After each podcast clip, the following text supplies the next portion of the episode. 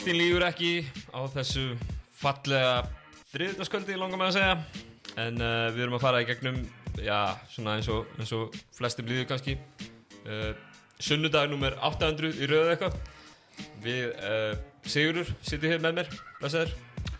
Sættu blessaður. Hvað segirðu? Hvernig Ég er bara hefi góður sko. Það ekki?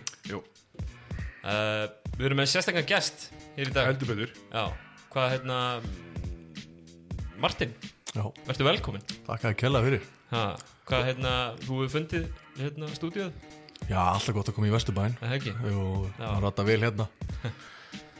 Þú kannski að Er ekki 102 dag? Þetta er 102 Við erum hérna Erum við 102?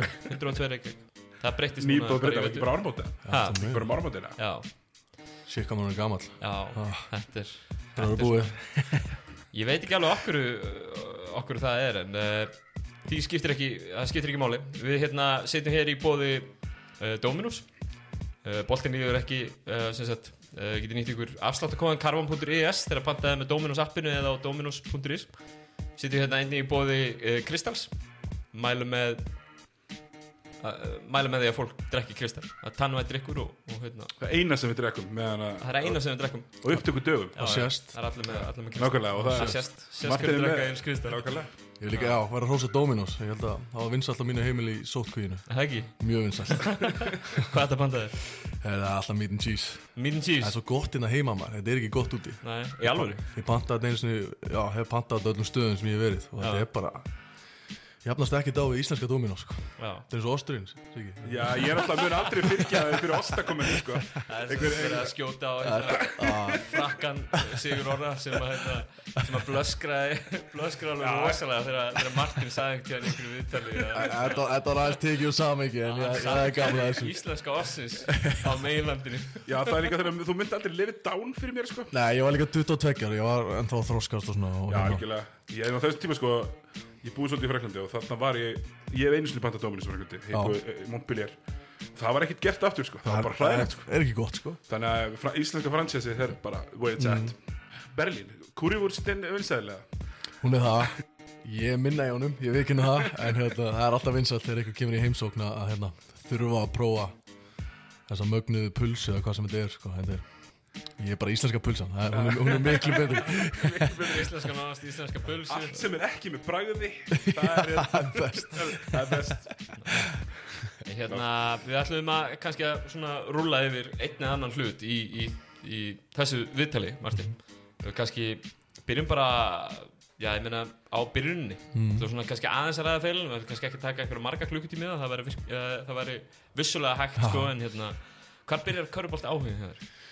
Uh, Hann byrjar auðvitað bara á því að horfa á pappa spila og hérna, fylgja pappa á æfingar og, og, og hérna, já, mömmu í leikina að horfa á hann og hann er svona ástæðan okkur að ég byrja að dripla bolta. Nú, og ha- hann segi, já, þau vilja meina að ég hef byrjað að drippla eða bolta á hann ég byrjað að hlaupa sko, þannig að það var eiginlega ekkert annað í stöðinni en, að- en að hafa áhuga á körubolta sérstaklega í, í minni fjölskyldu.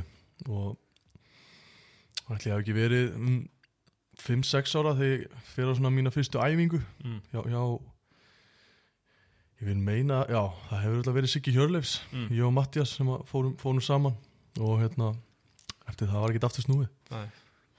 upp í Káir þá Já, Já, bara spila allar minn yngri flokka feril með, með K.R.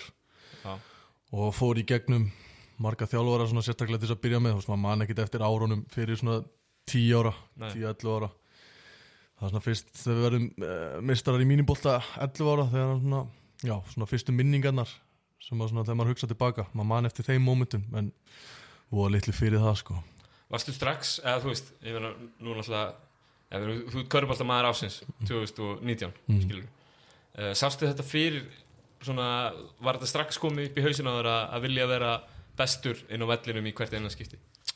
Eða svona, sástu það fyrir þér? Já, já, ég held að ég hef alltaf verið í þessu til þess að vera bestur sko. En að verða atvinnumæður í körfubólta var ekkit eitthvað sem ég ætlaði að verða fyrir en ég var svona 17 ára sko. Ég ætlaði að verða fótboltamaður. Já, menar Stað- Skori fótbolta? Ég var, já, lungin Já, ég, Hvað hérna, hvað var, spilaður í fótbolta? ég var svona sko, ég var alltaf svona attacking midfielder. Svo fór ég að færast aðeins niður á miðjuna. Svo var ég alltaf komin í sko varnar. Þú veist, eftir ég stækkaði meira þá var ég komin í sko svona varnartengilið. Já. svo spila maður kant líka í, þegar maður var að spila upp fyrir sig maður spilaði einhvern veginn allt en ég var svona eiginlega miðjumæður ef ég ætti að lýsa mér sko. Hvað er þetta háur, Martin? ég er, nú, ég er 1.91 á vegabrjónu Já, það er risa fótboltamaður. Já ég er, ég er Ekki hjúts stór körbóltamaður, Nei. en risa fótboltamaður. Mjög stór. Já, ég, meit, ég var einmitt fór á svona í landslýsúrtök og hérna var einu komin í hafsend það sko, Já. þannig að þeir voru að byrja að sjá mig eitthvað eitthvað þar í, í hafsendum en, en eftir að það byrja að gerast þá nefndi ég sig ekki lengur sko. Maður Nei. bara að vera að sókna með eins og í körunni Nú náttúrulega, þú veist næ, eh, Ertu uh, eða svona, hver, hver eru út að spila með Matta hjá KR mm Eru fleiri leikmenn sem við þekkjum sem að þú komst upp með svona gegnum um, KR? Já, náttúrulega Darri Freyr, þjálfari Vals, Kvenna.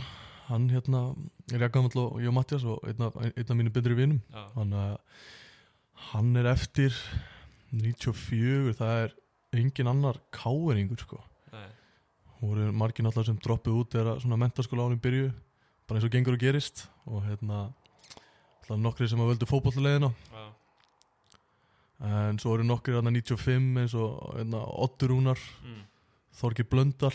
Já, mm, Fallegasti maðurinn í deildakefni á Íslandi. Já, og orðin einhver, einhver besti, besti hvað hva er núna, ég er svona grafískri hönnun eða? Já, það ekki. Gera geggja að bóli og alltaf uppseldir þegar ég ætla að fá mér það. Þannig að vera að redda því. Hvað hérna, nú, já, ég meina, þú talar um það, þau unnu alltaf, já, Kristófur Eikoks 93, ég líka að glema kannski húnum, Já, sem spilaði, já, sem var seinna, já, svona, sem var kom svo, Já, já, setna mér. Þeir ljótu nú að hafa verið, ég meina, þú og Matti og, Mm. og Darri og Þorgir og svo Kristofur vantilega Já. á einhverjum setjum tímapunkti þeir ljótu að hafa verið svolítið sterk, sterkur flokkur Já, 94 árgangur var geggjaður sko. við vorum, við töpum ekki leiki ykkur þrjú ár það er hægt já, þetta var svo tægilegt þetta var sko þetta var þannig að, hérna, þú þurfti alltaf að spila fimm leikmunum í fyrsta leikulda og svo öðrum fimm í setni leikuldanum til þess að fá sko stíð þannig að þau vart með þú veist, ég og Mattias vorum þannig að við fórum alltaf bara í sikk leikuldan og tókum öll skotin. Menn að hinlegin áttu bara yfirleitt svona einn geggjaðan leikmann sko, þannig að við unnum bara allt. Góð takt það var mjög góð taktík, Siggi, hérna- Hjölu spilaði þetta mjög vel. Hverju voru, hérna, hverju voru svona helstu anstæðingar svona á landinu. Á landinu, það eftir var náttúrulega njárvíkingarnir, Já. hérna Elvar og, og félagar svo var Valur Vals í Skallagrim Valur Vals er alltaf bara einhver besti yngri fólka leikmaður sem við höfum átt. Var svakalur. Um, Þór Þólagsson með Emil Karel. Já, var, Emil Karel var líka, hann var svona stór í mínum bótt allavega sko, þannig að það réð engi við hann. En hérna svo setna meir þegar að Valur Vals fer yfir í Njarvík og þá er það Valur, Elvar, Magic. Já er ekki sigur dagar hérna Jú, Sigurdagur þá voru þeir með já, freka gott lið og það var svona í 9. og 10. flokki 9. og 10. 11. þá svona skiptu við titlunum á, á mill okkar mm. uh, kemur upp alla yngri flokka með KR og, og hérna uh, og upp í mestarflokk hvað er gamall þegar þú farin að spila með eða æfa með hvernig mætur á fyrsta æfingu uh, su, það er svona sumarið 14 ára þá, þá tek ég mína svona fyrstu mistarflokksæfingar bara eins og gengur að gerist þetta vantaði helmingin þú veist, og já, ennþá að að chilla eftir, eftir senasta tímabil og hérna var bara svona gripið unga leikmenn til þess að fylla upp svo að menn getur hlaupið upp og niður. Já, En ég kom inn í meistarflokki kannski svona Já, 16 ára að einhverju viti. Hérna Já, 16, já, 16 ára þegar við vinnum hann á 2011 já, titilinn, þá voru ég og Mattias við skiptust alltaf á og milli leikja að vera 12 maður já, já. Og hann var 12 maður þegar við erum byggameistarar og þau erum íslameistarar Þannig að ég var alltaf á bekknum þar Þegar ég var, já, í borgarlegum klæðum segi Káreikundur er alltaf duglegir að vera með menn í borgarlegum klæðum svo leifa ungu leikmönum að vera með vera með á Já. bekknum og með í stemningunum og svona. Ég Já. er alltaf svolítið hrifin af því Já, það er bara eitthvað sem ég tók eftir bara svona setna mér sko. og ég held að það sé mjög mikilvægt bara að sína mönnum hvernig það virkar og eins og segja, vera með í stemningunni ég, maður fannst að manni alltaf vera partur af liðinu þótt maður var ekki í búning sko. Hvað hérna þegar þú ert að koma inn í hennar mestarflokk þú náttúrulega, þú veist, vinnið vinnið þarna og vinnum svo þegar þú ert í aðeins stærra hlutverki líka Íslandsmeistaratitil mm -hmm. Hver er, hvaða leikminn eru í liðinu þarna sem eru svona að mentora unga leikminn eins og þig? Sko þegar ég kem inn hérna, já, 2010, tímambili 2011 eitthvað svo leiðis, þá er hérna alltaf Pavel kominn aftur Fannar Ólafs, Skarpjén Freyr Ingarsson, uh, alltaf Brynja Björnsson mikil harka hann Þetta er rosalega karakter að lið Já, það hérna Óli Ægis eh, Þetta er sko Þetta er KRB í dag sko. Já, þetta var eiginlega svona bumbaæfingar þegar kemur að villum og hérna hörku sko. Það, ég man öll mín fyrsta, neða svona önnur eða þriði æfing þegar Skarpíðan og Fannar Ólafsson fara bara í þvílgan slag á æfingu. Sjokkar og ég var sko 30 kíló með skólatösku þannig að ég var ekki að fara að gera mikið en hérna, Axel Slagur eða? Já, já, það var bara sveiplað og allt sko. Og svo bara allir bestu vinnir eftir æfingu sko. En það var svona sett í tónin og maður svona, já, ok, að maður er komin í í svona alvöruna hérna, þú veist, maður kemst ekki upp með neitt og, og, og svona, þú veist, þeir hafa haft öll mikil áhrif bara á mig, sko, þú veist, bara hörku og hvernig maður trýta hverja æfingu og allt þetta, sko, Mm. þú veist, það var ekki komist upp með neitt eins og ég segi og rosalegu gamli skóli sem var, var þar á ferð, sko, Já, Hver er að þjálfa áttur hérna? Rafna? Ra- Rapp Kristjáns, já. Og eru þá, já, ég meina Bakurinn eins og þú er þá Það er þá Pavel að taka undir vangin eða hvernig Já, Pavel Brynjar, svo var hérna Óli spilaði fullt, alltaf Markus Walker var hann líka. Já Það var leikmaður Um, já, hann var ágætur um, kannski ekki bakgrunn Reggi Magg var hann líka Páll Fannar Helgason Já, Já, þessu voru í Snæfell. Já, Það sem kom, jú. Þetta bara fín, fín, fín móta það já, hann var, hann var flottur þar sko. En það var eiginlega bara Brynjar Pavel og Markus sem voru að spila alltaf mínútur þannig að það var ekkit, ekkit mikið pláss fyrir neitt annan að stíga inn sko. Talandi um Markus, hvernig var að dekka hann á aðeins það var rosalegt sko. Það er bara, Ég held að þessi fljótast leikmaður sem spilaði þetta. Ég hef bara hef sjaldan séð svona já ég er bara aldrei sem mann gera jafn mikið grín af dildinni sko. Veist. Ég var að horfa á þessa leikjum daginn í sókvinni þegar mann er litist þannig bara Já, ég var að horfa á hann mitt Hérna, einhver ústættakefni hérna. Að veist. bara Justin Shaws var bara eins og yngri fólka leikmaður. Einmitt, og þú veist, leikmaður sem er geggjaður leikmaður. Ja, kom ekki boltanum upp völlin sko. Þetta var bara já, við, við- við fáum öll ekki Nei, ég var að horfa á svona svaka típu Nei, veist, 2014 pa, eða 2011, 12 Pavel Pavel Þú veist, að- sko. bara að vera vesprúk upp völlin eftir frákastin sín og svona þetta var, svo vorum við Finn Mag hérna, Finn Fannar og Hregga Já. Íslendinga gildi í stórum munum var svakalegt annars sko. þannig að já, maður var ekkert að svekja sig að vera 12 eða 13 maður sko. En svo ferðu, já, svo ferðu ferðu, já, ég menn eftir þennan titil sem þið vinnuð svo þú í nokkuð stóru hlutverki í, með liðinu. Já, 2014 já, 2014 Já. aðeins setna uh, þá ákveður að fara uh, leggja landið til fót og já, fara til bandarækjana Mm.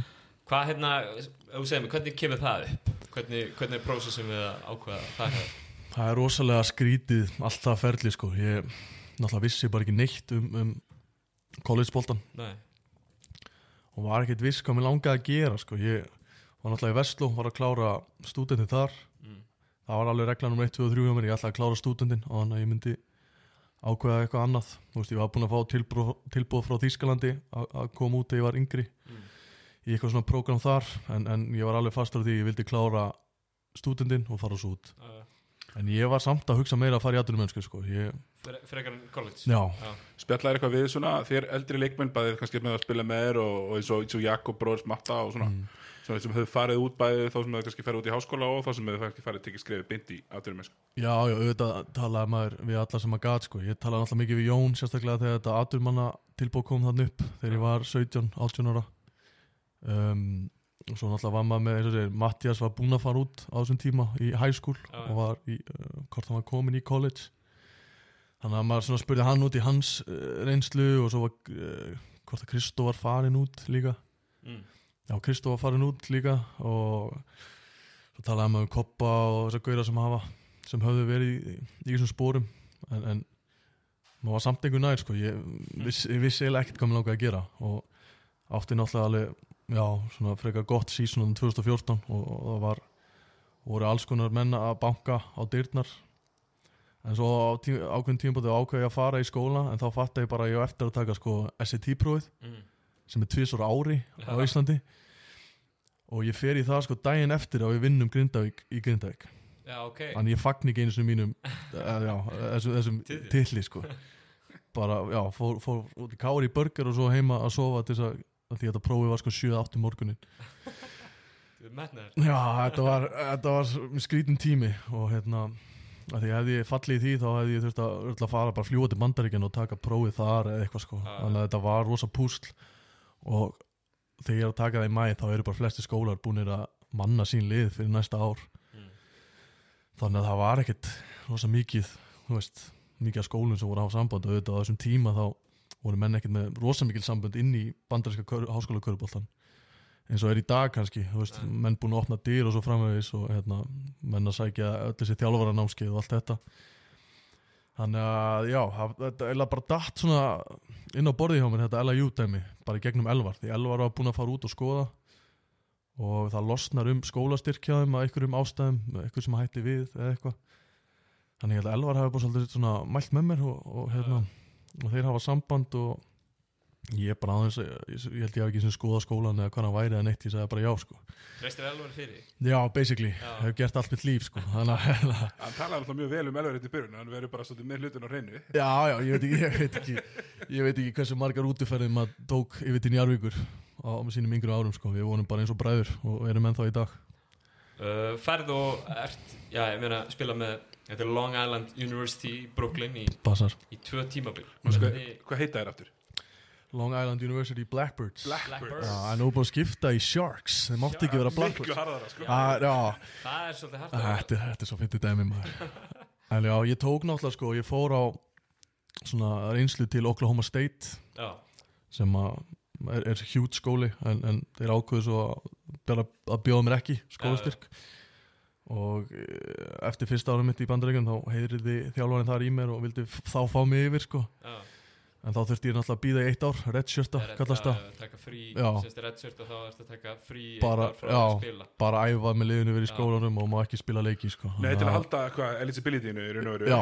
Skulle mega taka sér fjögur ár Já, um þannig að hérna já, það voru einhverju skólar sem að höfðu svona áhrá, þú veist, vildu tala við mig og eitthvað svona en maður bara erfitt eh, maður á al- alveg hinskilin að vera Íslendingur sko Já, já, sá hraðasti eða maður stökk ekki hæst eða svo framvegis sko. Þú veist, þú getur fundið endalust af gauðum sem að geta spila vörn og, og hérna hlaupið og stokkið og allt þetta sko. Þannig að þetta, að þetta var ekki auðvelt að finna nei. liðið eða skóla sko. En það er náttúrulega, þú veist, eins og segir, uh, ertu þarna í tvö ár, þú, þú ert að spila helling. Já, ég spilaði mjög mikið. Já, Já. það, er það ekki stór punktur fyrir bara leikmenni yfir höfuð það? svona eftir á að hyggja sko þá var þetta að vera besta skrif sem ég gæti tekið að fara í þennan skóla sko. Þú veist, ef maður farið eitthvað annað, ef maður potið sitt á bekknum í heilt ár, Mm. bara sem, ég, sem að Þórir er að gera núna. Já, já. og hérna, Tvö ár, hann er að spila helling núna í vetur en, en já, nákvæmlega. ári spilaði mjög lítið, það er sp alveg spilaði mjög fyrst, lítið á fyrst ári passar, en þú veist, bræðilega hann var að fa- fara í svaka skóla. Sam Haug líka á sínum tíma. Já, í, Mariland, þetta sko, var rísa skóli sko. já. En þetta skrif fyrir mig bara að þroska sem körbóltamæður held ég hafi verið bara já, einhvern veginn skrifað í skíin sko mm. Ég bara fekk náttúrulega fullt traust frá þjálfarunum spilaði örgulega mest ég alveg spilaði mest af öllum held ég rúki árið okkar sko Já. en þú veist við erum- vorum ekkert venjulegi rúkjar ef þú pælir í, Nei, við þetta mætum tveim árum eldri sko Já. og hérna kannski aðeins lengra komnir í köruboltalegri hugsun heldur en margir aðna þannig að Já, líka báður búin að vera í svona Já, ég menna nokkuð stóru hlutverkum í Já, já. tíma sko. Nei, og sko, ég held að telli líka að, þú veist, gæri svo að Martin og Elvar komandi frá Íslandi, þar sem að menn eru náttúrulega bara miklu sjálfstæðari já, þegar maður er sko 16 ára, þú byrjar í framhaldsskóla og fær maður svolítið að bara ákveða ráða sínum tíma sjálfur og svona. Algjörlega. Meðan að þarna út í bandaríkjunum krakkandir koma beint úr, úr hæskóla og fara í, fara í háskóla, það er eins og þau, sko, get, svo sé verið að sleppa þeim sko, fyrsta skipti er þau einhvern veginn að fljúur heyrinu og þau eru bara svolítið eftir í í svona svona andlega hluta. Já, maður sá þetta alveg. Og líka bara eins og fóreldrar að ringi þjálfara ef að strákunum fekk ekki að spila og eitthvað svona sko. þetta var bara fáralegt Hvernig fannst þér svona típana bolta sem þú spiluð þarna í, í college henda þér? bara boltin sem við spilum hendaði mér bara nokkuð vel sko. það var mikið um pick and roll og hérna, spilum rosa hratt og ekkit, ekkit alltaf mikið eitthvað svona settum og og vorum eiginlega ekki með neitt guð sem gæti eitthvað postað upp þannig að við vorum ekkit að hlaupa neitt fyrir þá Þannig að það var einhvern veginn bara, allt fyrir bakverðina sko. þannig að þeir bara fengið svolítið að taka ákvarðanir sjálfur svona, á, á, þú veist, eftir pekaróli Já, já, en við fengum ekki að kalla kerfið samt. Það er náttúrulega bara Nei. þjálfarinn sem, að- sem að kalla það. Ég held að sé öðvöldast í heima að vera pointgard í, í háskólaboltanum sko. Þú bara, lítur bara til hliðar og sér hvað kerfið er að fara í gang. Og hérna, spila það. Já, ég veit að pyrra elva rosalega mikið sko. Að fá- hafa ekki stjórnina Já, að fá ekki að ráða Náttúrulega maður sem var komið líkla með, þú veist, Já, þú veist, 13 12 ára líka. Já, en, en þetta var rosalega góð tími og ég, ég hérna lærði fullt og þroskaðist mikið náttúrulega og náttúrulega bara geggja líka að vera í New York sko. Já. og Rísa borg Já, væga sagt. Stærri en, stærri en Vesturbærin Aðeins stærri, ekki mikið. Nei. og hérna, Mér finnst það skemmtilegt að koma inn á það að, hérna, ég hef oft pælt í þessu með íslensk stráka og stelpur mm, sem fara út sko, þau er lenda nefnilega oft í því að vera svolítið eitthvað stað Já, já. þú veist, hérna eins og hérna, eins og Marist sem er hérna lengst uppi Já, já. Og, og hérna Binghamton held ég að heiti. Kári var líka einhvers staðar. Já, ekki stað lengst úti sko. Já. og þetta er ekki einu svona sem er gott veður. Ég, ég hugsa mér sko veist Valur, orri, sem fer í svona, svona ekki big name háskóla hérna í Florida. Já. en það er allavega í já.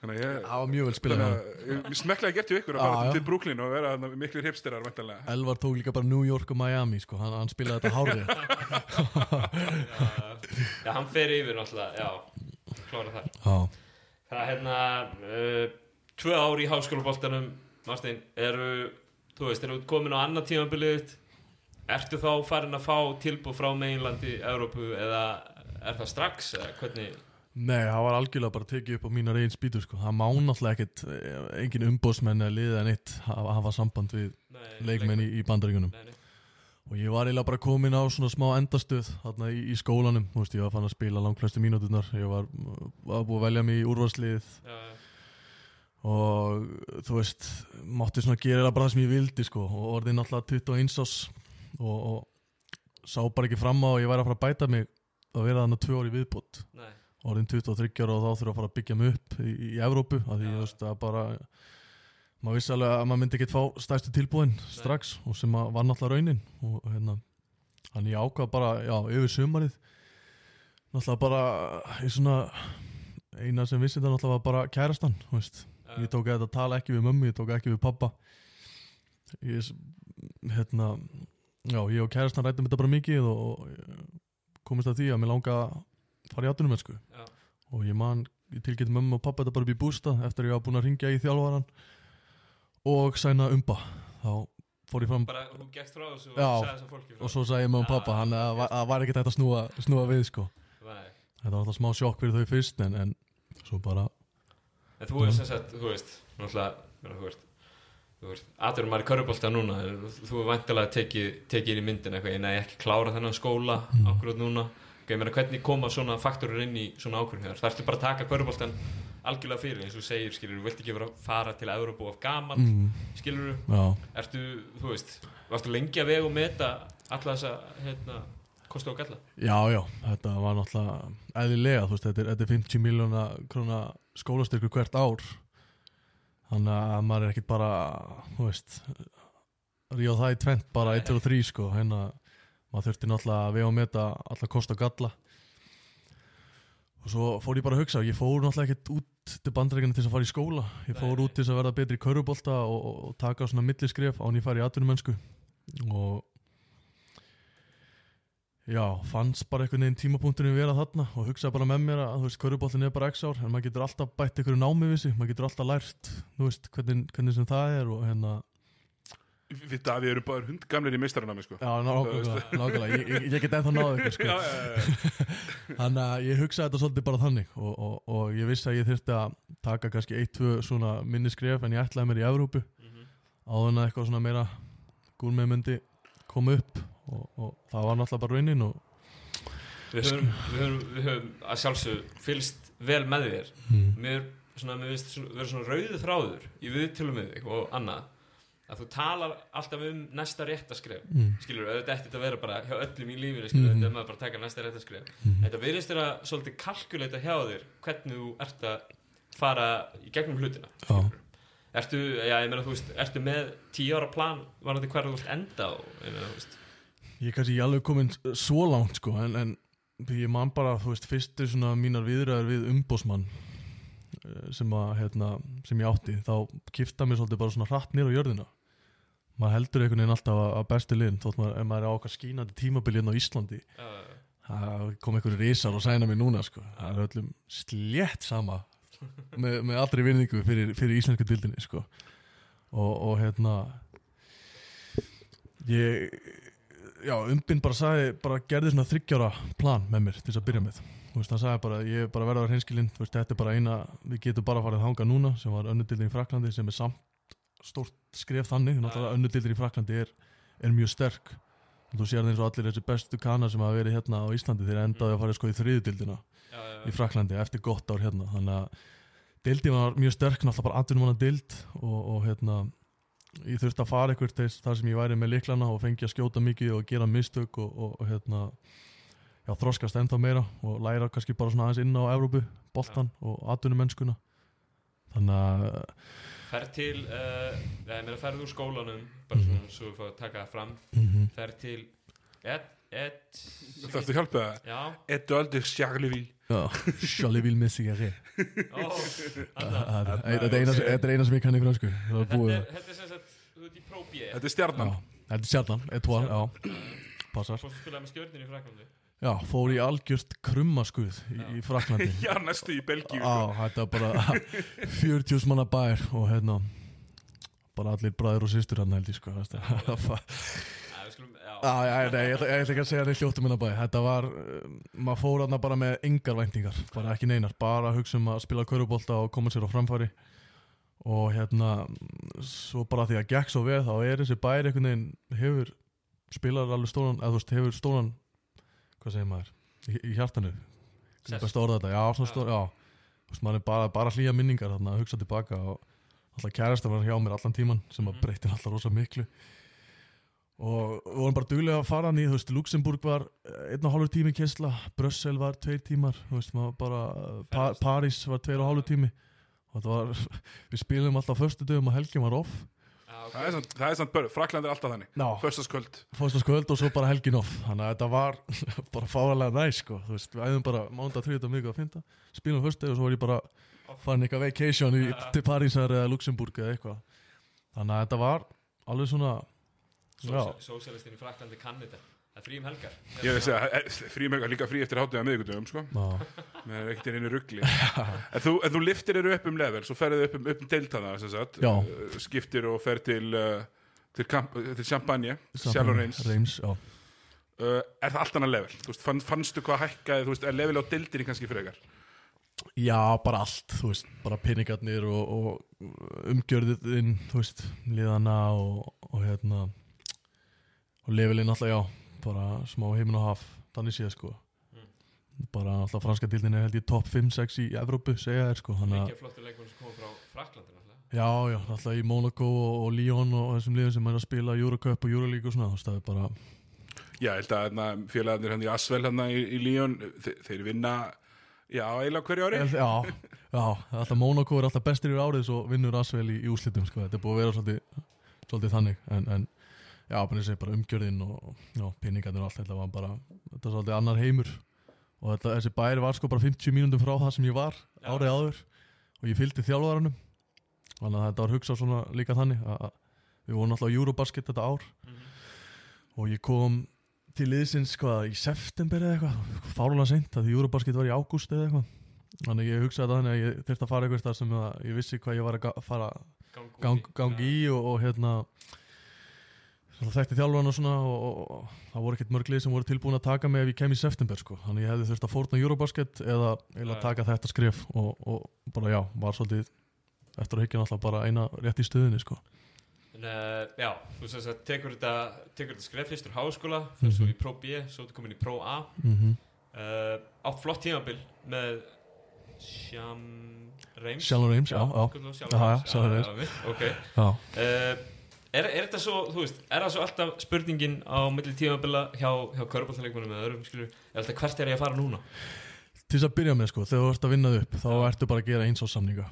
Þú veist, það er bara eins og að því þú ert að alltaf vinna þig upp hvert ár. Mm og svo eins og, já, eftir, eftir það ár í Fraklandi þá náttúrulega ger ég tveggjára samning við, við Alba Berlin Já, þegar þú ert komin á það svona hægsta leveli þá eru menn að gera 2, 3, 4 ár. Já aðeins meira, já, meira lagt í með, svona, með þá svona já, eins og það kallast. Finnst þeir vera mikill munur á sko, deildinni, þýsku deildinni og frönsku deildinni? Eða vera kannski mest í toppliðanum?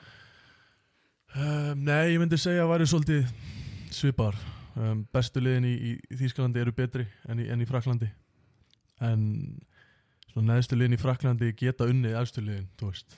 Þannig að það er svona meiri meira physical og svona meira svona, já, svona athletic í, Fra í Fraklandi en kannski aðeins meira IQ í, í, í Þýskalandi Mm. en dildina svo sem ekki dróða svo mikill munur á þeim sko Nei. Þú ert þessi, þessi síðustu tvö tíðanbíl hjá Alba í Berlín mm -hmm. Þetta er komin í risastóra borg Já, Hvernig leið, leið er þar? mm, bara, bara hefur liðið frábælega þar og, og það, þú veist Komin í Euroleague Já, ég man þegar við spilum hann 2015 Mm. Eurobasket og maður hugsa bara, hvað var ég geggja vera í þessu lið og spila hérna maður. og ég man, ég sagði það við, við konuna sko, mm -hmm. hún gerur okkur grínaði stundum bara, mannstu þú sagði þetta, svo ertu bara komininga ég bara, já, já. Já, og hérna alltaf það sumar var allt öðruvís en sumarinn sem ég var búin að venjast. Og allt í nefn byrjaði ég að fá miklu meira tilbúðum og, og stærri lið sem voru búin að vera að segja já við viljum sjá hann spila eitt ár þarna við viljum sjá hann spila eitt ár í efstu dild fóru náttúrulega að heyri manni og bjóða samning og ég fórnaði frekar, já svona stóru gigi og fór í Alba frekar. Af því ég var ennþá í þessu já, búin að setja með nýtt þryggjar á plan. Hvað, stóra gekki? Varstu? það var Darussafaka sem voru í Euroleague á þeim tímapunkti. Já, ok, já, í Tyrklandi og ég var náttúrulega nýbúin að eignast minn fyrsta já. og, og hérna, kannski var ekki alveg að fara að leggja á fjölskylduna að, fljúa til Tyrklands og vera þar. Já, já. þannig að hérna, já, Alba var náttúrulega bara frábær skrif og ég byrjaði að fara í Eurocup í stæðin fyrir Euroleague fyrsta árið mitt með, með Alba Berlin og ég held að það hefur líka verið svolítið gott bara að venjast í að spila 2-3 leiki í viku og öll þessi ferðalög og svona. Alba hefur ekkert spilað í Euroleague áður eða? Jú, Það hefur verið í Euroleague áður, Já. hvað, 2000 og... þeir hafa verið alveg nokkru sinnum sko. Þannig að það er alveg sterk saga þar og, og náttúrulega margir frábæri leikmenn sem hafa komið í gegnum það prógram. Og náttúrulega þegar þjálfarinn hérna, Ító sem er var líka stórt, stór ástæð okkur í fyrir þangað þú veist búin að var head coach í Barcelona í nýja ár og, og þú veist búin að vinna Eurocup og búin að þjálfa öll bestu liðin á Spáni. Þannig að eh, einhvern veginn, já bara var svona eiginlega no-brainer bara fyrir mig að fara til Bellinar, bæði köruboltin og lífið og borgin og stutt að fljúa og, og allt pottjett þannig að ég sé ekki eftir þeirri ákvörðin sko. Nei, mér veist þetta nefnilega svo geggja Ég, hérna, oft er ég, oft, oft pælir maður í svona Mér manni grunnar að, nefnilega að leikmenn pæli í svona líka Þú veist, maður kannski sé kannski meir í fótboltan þá eru nefnilega menn, þú veist, þessir allra, allra bestu alltaf einhvern veginn að leita leiða til að komast til Barcelona til að komast til Madridar.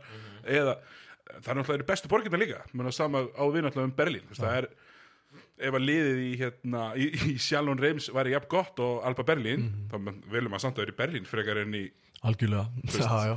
það er líka bara ástæðan okkur að Júrulík vill hafa Berlín. Þú veist, þetta er bara, þetta er flottasta höllin örugglega í Evrópu já, e- já, Rísaborg og náttúrulega bara við erum með nýju tíðus manns að meðatali okkur í minnsta leik. Þannig að þú, þú finnur það ekkert á mörgum stöðum sko. Nei. En það hérna hvað hérna svona já ég meina nú ertu búin að vera þessi tvö ár með Alba Berlin og, og spila í Euroleague. Er sérðu mikið mun á er Euroleague sko er það miklu stærra batteri alls Júrulík er bara toppurinn sko. Aha, bara algjörlega. Og eiginlega bara synd hvað fólk á Íslandi veit lítið um Júrulík það hefur náttúrulega lítið verið sett á borð fyrir Já, þetta var í, ég líst þessu í eitt ár á Sport TV já, hérna, þetta var í eitt ár. Mm. svo fór það alltaf hausinn að þeir skulda mér ennþá pening en, en, Já, hérna, ok en það var samt ógeðslega gaman. Þetta var, eins og, eins og þú segir, sko, þetta var svona í fyrsta skiptis það sem að virkilega datt inn í það. Já. og byrjaði, veist, þetta er hérna þetta er 2015, 16 eða 2016, 17 sísoni sem ég er að lýsa og, og það er quality er náttúrulega mjög hátt. Mikið af svona svona leikmönnum sem hafa verið í NBA sem svona roleplayers koma og eru kannski fá aðeins stærra hlutverk mm -hmm. það er þessi stóru veist, Thomas Robinson og svona sem koma og eru svona risastóri Já. einhverjir rumar. Það komur svaka nöfn núna í ár sem að þau segja að þetta er alltaf einn sterkasta júrulík í sögunni. Þú veist, það kom Tímofey Moskó kom, það kom Jonas Jerebko Wesley Johnson Mirotic náttúrulega. Mirotic, Jimmy Fredette. Mirotic hafnar sko þrjú ár 58 miljónir fyrir hérna Já, í NBA hann er bara á fótballalaunum í Barcelona sko. og hérna og ég, ég get það, já. sem er rosalegt sko. Já, það er ágætt. Og náttúrulega Derek Williams sem var annað pikkið já, hvað 2000 og hvað, 11 eða 12 eða eitthvað? Hann er hérna já. hann er komin og hann er bara samt í rulluspili sko, þú veist. Það er Hann hérna- átti mjög erfitt uppdráttar í NBA Já. Derek Williams, fór mikið á milli og... Já, já, Louis Skóla náttúrulega kom inn og Sergio Rodríguez Teodosic, þetta er, þú veist margir sem að spilu bara, já, slatta mínútum í NBA sem að, Já, ég var helviti fúll þegar Theodosic fór í NBA season? spilaði síðan eiginlega ekki neitt og all, mittur allan tíman af því að maður var búin að maður var búin að horfa hann í Júrlík sko, og sérstaklega með serbinska landsliðinu það sem maður var að spila með NBA-gaurunum og öllum bestu serbunum og var samt svo mikill kongur í liðinu sko. Svo náttúrulega kom með NBA ykkur líka sem voru bara látnið fara, þeir bara höndlið þetta ekki. Nick, Stauskas fór í Baskónia hérna, hann bara köttar, bara ekki nógu góður sko. Já, Tímir hefur átt mjög erfitt líka. Já, Jimmy er ekki hann fótt í búin Kína aftur og Já, góð aftur já. erfitt tilbaka sko. svo, svo hérna eh, Jordan Crawford hérna kom og hann bara strögglaði, hann er núna bara komin í eitthvað millilið í þýskudildinni já, var þú veist, eh, hvað sko hann ekki 50 stíðinu leik í NBA. Ha, hann var hérna Bara svona sjött það var svona, Jordan Crawford var svona rosa sjötti maður hjá Boston Já, til dæmis. Það var bara svona skorari að bekknum. Já. En já, þetta er orðið frekar stórt og náttúrulega bara peningarnir eru miklu meira, meira en fólk heldur og þetta er bara orðið Já, þú veist, það er alveg ástæð okkar NBA-liðin eru hægt að koma yfir og spila við erúskuliðin, sko. Þú veist, þetta var alltaf, það kom alltaf að spila yfir Real Madrid og þessi lið. já, já.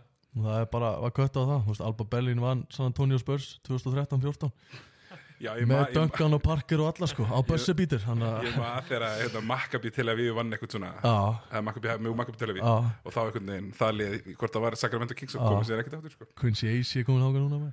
Já, ég, var með, ég er eitthvað mjög hrifin og hvernig sé ég, er hann Já. með skeggi eða? Hann er bara með, já, tvö stig og bara blokk og tróða, sko, að það gerir ekki mikið. Hérna, Það er, já, ég meina, þú veist, fyrir þig að, að hérna, að vera á þessu ferðalegu og vera komin á þann stað Mm. núna, að vera lappin á gólfið og, þú veist, Mhm. í hverjum einasta leik og svo Euroleague, er vantanlega einhver sem sem kannast við og hefur skoðað klippur af á YouTube og Já, hvernig já. er þessi tilfinning að vera komin, meina, í þessa deild? Hún var mögnu sko, ég man að svona fyrringurinn í fyrsta leiknum Er ekkert erfitt að lappin á völlinu herru, ég er að fara að dekka Theodosic Já, já, jú, jú, það, sko ég man að fyrstu leikinni er einhvern mesti fyrringur sem að bara, ég fengi í leik bara ever sko En svo bara eins og allt annað þá venst þetta Já, já, já.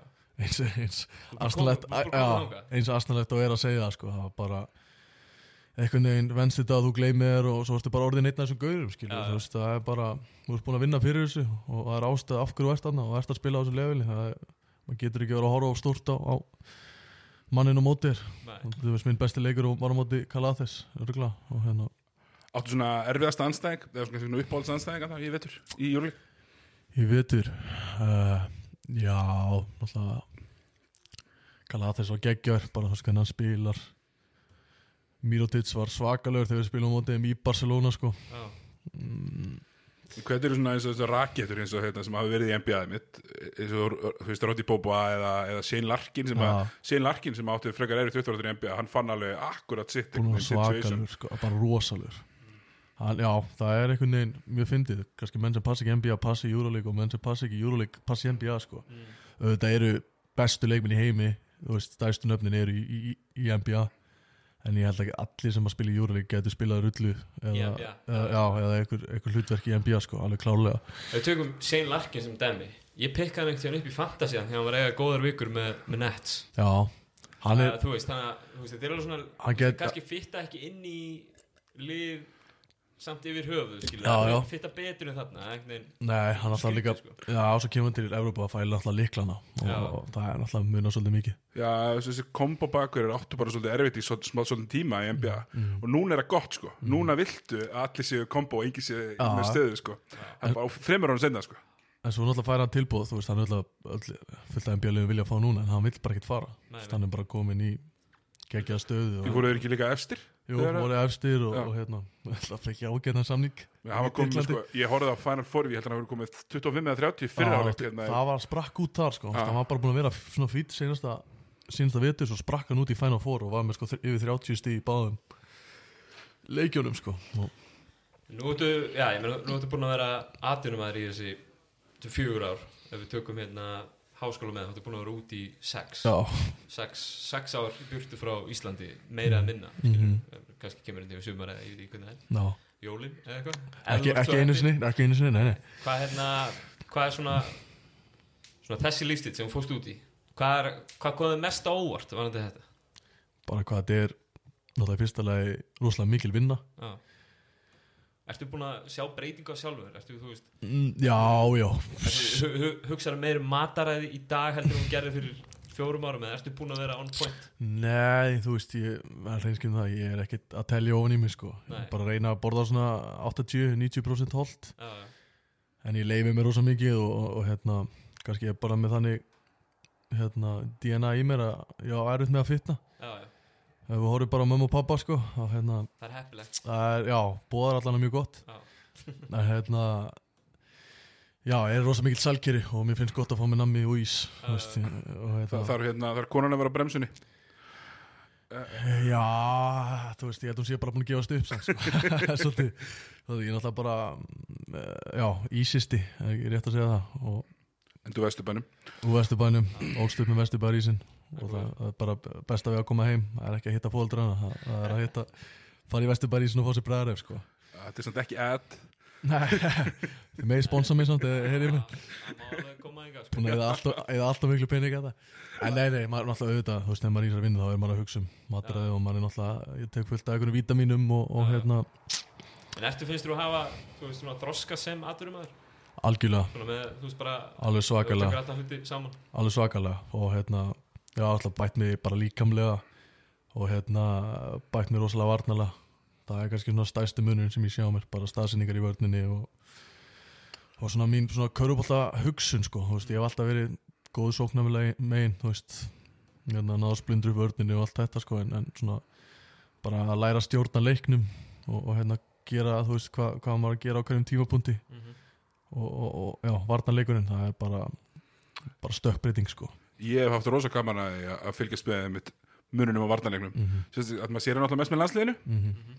Það sem að Martin alltaf byrjar svo snemma með landsliðinu að hann náttúrulega fyrst er bara undir svolítið undir þessum leikmannum sem eru aðkallandir þú veist, minni Eurobasket 2015 Já, já. veist, þá er, þá er þú ekkert á gólfinu í crunch time. Nei, nei, ekki nei, en svo nei, nei. 2017 ertu að sko komin í allt annar hluti. Já, já, já, gerðist mér hratt sko. En, en að, já, og bara margt sem að manni hlaka til þegar fyrirlinni er búin bara að koma heim og kenna sko. Þú veist, maður bara, sérstaklega núna eftir að vera í, í Alba í tvö ár með hennar spænska þjálfara sem að þjálfaði með annars spænska landslið sem tapa á móti bandaríkjunum í olimpíuleikunum hérna, back in the day móti hérna Dream Team Vol 2 Já, ok, já. Og hérna, Já, já, Vol- Dream Team Vol 2 í, er þetta þá að tala um Redeem Team Já, sem er. 2012 það það ekki, já, Já, James Durant og, Lebron og Chris Paul, Já. Kobe og hérna, þeir allir sko. það var, það var úrslita leiknum þar og er þá með Ricky Rubio, Pákasvól alltaf þessar sko. Og hann alltaf bara bjóð til eins og Porzingis, var með hann, var með Pákasvól Ricky Rubio, tók hann að sér þegar hann var 14 ára. Senda hann út í NBA og ég get talið fleiri, fleiri leikmenn. En hérna já bara öll svona hugsun bara, þú veist, hvað getur hjálpað að vera rétt staðsettur í vörninni, þú start ekki að vera eins og segi, fljótastur eða staðstur eða hérna mest athletic að geta bara skinu skrínum bara kunna nota líkamann og hausinn sko. Mm. og hvað hausinn er náttúrulega bara fáralega stór partur af öllu sko. Og er þetta, þú veist, er þetta þetta mindset aðtunum hansins Mhm. finnst þið það að vera svona hafa komið með tímanum eitthvað, að einhver leiti eða ertu búin að vera einbyttur allan tíman Já, ég myndi segja ég væri nú búin að vera svona nokkuð innbyttur og náttúrulega bara verið í KR þá voru nokkri sem voru að koma heim úr aðdurum mennsku eins og Pavel og Helgi og, og hérna fleiri. Og maður svona lærði bara aðeins inn á þá þú veist að mæta fyrir og skjóta og tegja eftir hægingar og fara í íspað og allt þetta. Mm. en, en svo náttúrulega úti þá veist menn eru mætti klukkutíma fyrr.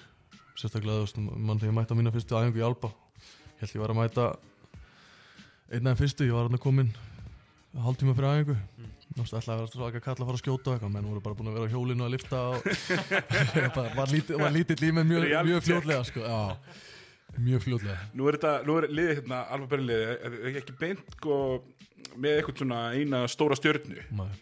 Hérna, hjálpar það svona, svona þínum leikstil kannski og hvað allir er væntalega að halda þá hverjum örum accountable sem þú talar um varnarlega og svona.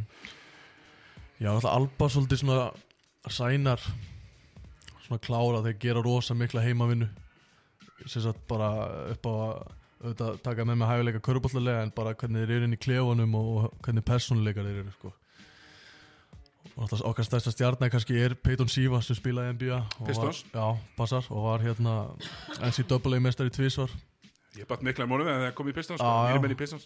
hann náttúrulega er sva- svaka leikmann og svo náttúrulega sonur hérna Jack Sigma Hall of Fame. Já, Luke Sigma. Luke Sigma. Ég spottaði það strax og ég sá eftir hann. Og googlaði Já, það. Já, Hefur hitt Jack Sigma? já, já, Er Það er alvöru. Ég hef aldrei séð pappa jafn starstrukt og þegar þeir koma einmitt er frá kom, nýjunu sko. Já, já, hann var, hann var settur inn í Hall of Fame í, á þessu, nei, fyrra, síðast ári. Já, og hérna, já, pappi var einmitt á sama tíma og hann var í á senast ári Fékk hann að á- hitta? bjóli. Já, já, tók mynda sér allt. Pappi var eins og lítill strákur, sko. Hann er alltaf tveir og nýja á hæða eitthvað, sko. Ég er alltaf mann ekkert eftir honum og þú veist, sá ekki að leiki með honum. Og vissi ekkert um neitt um Sigma-nafnið bara fyrir en ég kynntist náttúrulega Luke. Já. Maður hugsa alltaf bara um hárið, sko. Já, En nú sé ég hérna myndum af, ég sé svo sem myndi af Luke Sigma en hann, hann mun vera sköllóttur innan tíðar, hann, sko. er, hann er með eitthvað, eitthvað, eitthvað rosalegasta tíu hérna sem ég séð sko, Kollugin orðið vel há og við gerum líka mikið grín á hann Uh, ef við kannski skiljum Alba aðeins eftir úr ræðum aðeins landslið þú ert þú, þú ert hérna badnungur þegar þú hérna, ferði á fyrsta Eurobasket mótið og ert svo með liðinu aftur þegar það tryggir sig ég meina annars skipti ég rauð á Eurobasket sem er Mhm. bara risa stór Já, sigur fyrir Ísland. Já, já. og fyrsti sigurinn á loka móti hafi ekki komið þá er samt bara stórt að vera með. Ég meina hvernig er stemmingin í, í, í ef við tökum hennar setni hópara hún er náttúrulega bara mjög góð sko, náttúrulega bara algjör forréttindi fyrir mig að vera 25 ára og vera búin að fara tvisar á Eurobasket sko, Já. þú veist, það er náttúrulega bara eitthvað sem enginn sá kannski fyrir og þú veist, ég ætti öll að bara leggja skóna á hilluna, landsinskóna á hilluna, þú veist, ég er auðvitað að toppa þetta Já, mátt það ekki Nei, nei, það er rétt, við hérna Það er hefð fyrir því að menn spila ekki þá til alltaf þessum 39 Já, ára, sko. já, Þannig að nákvæmlega. ekki reyna þetta.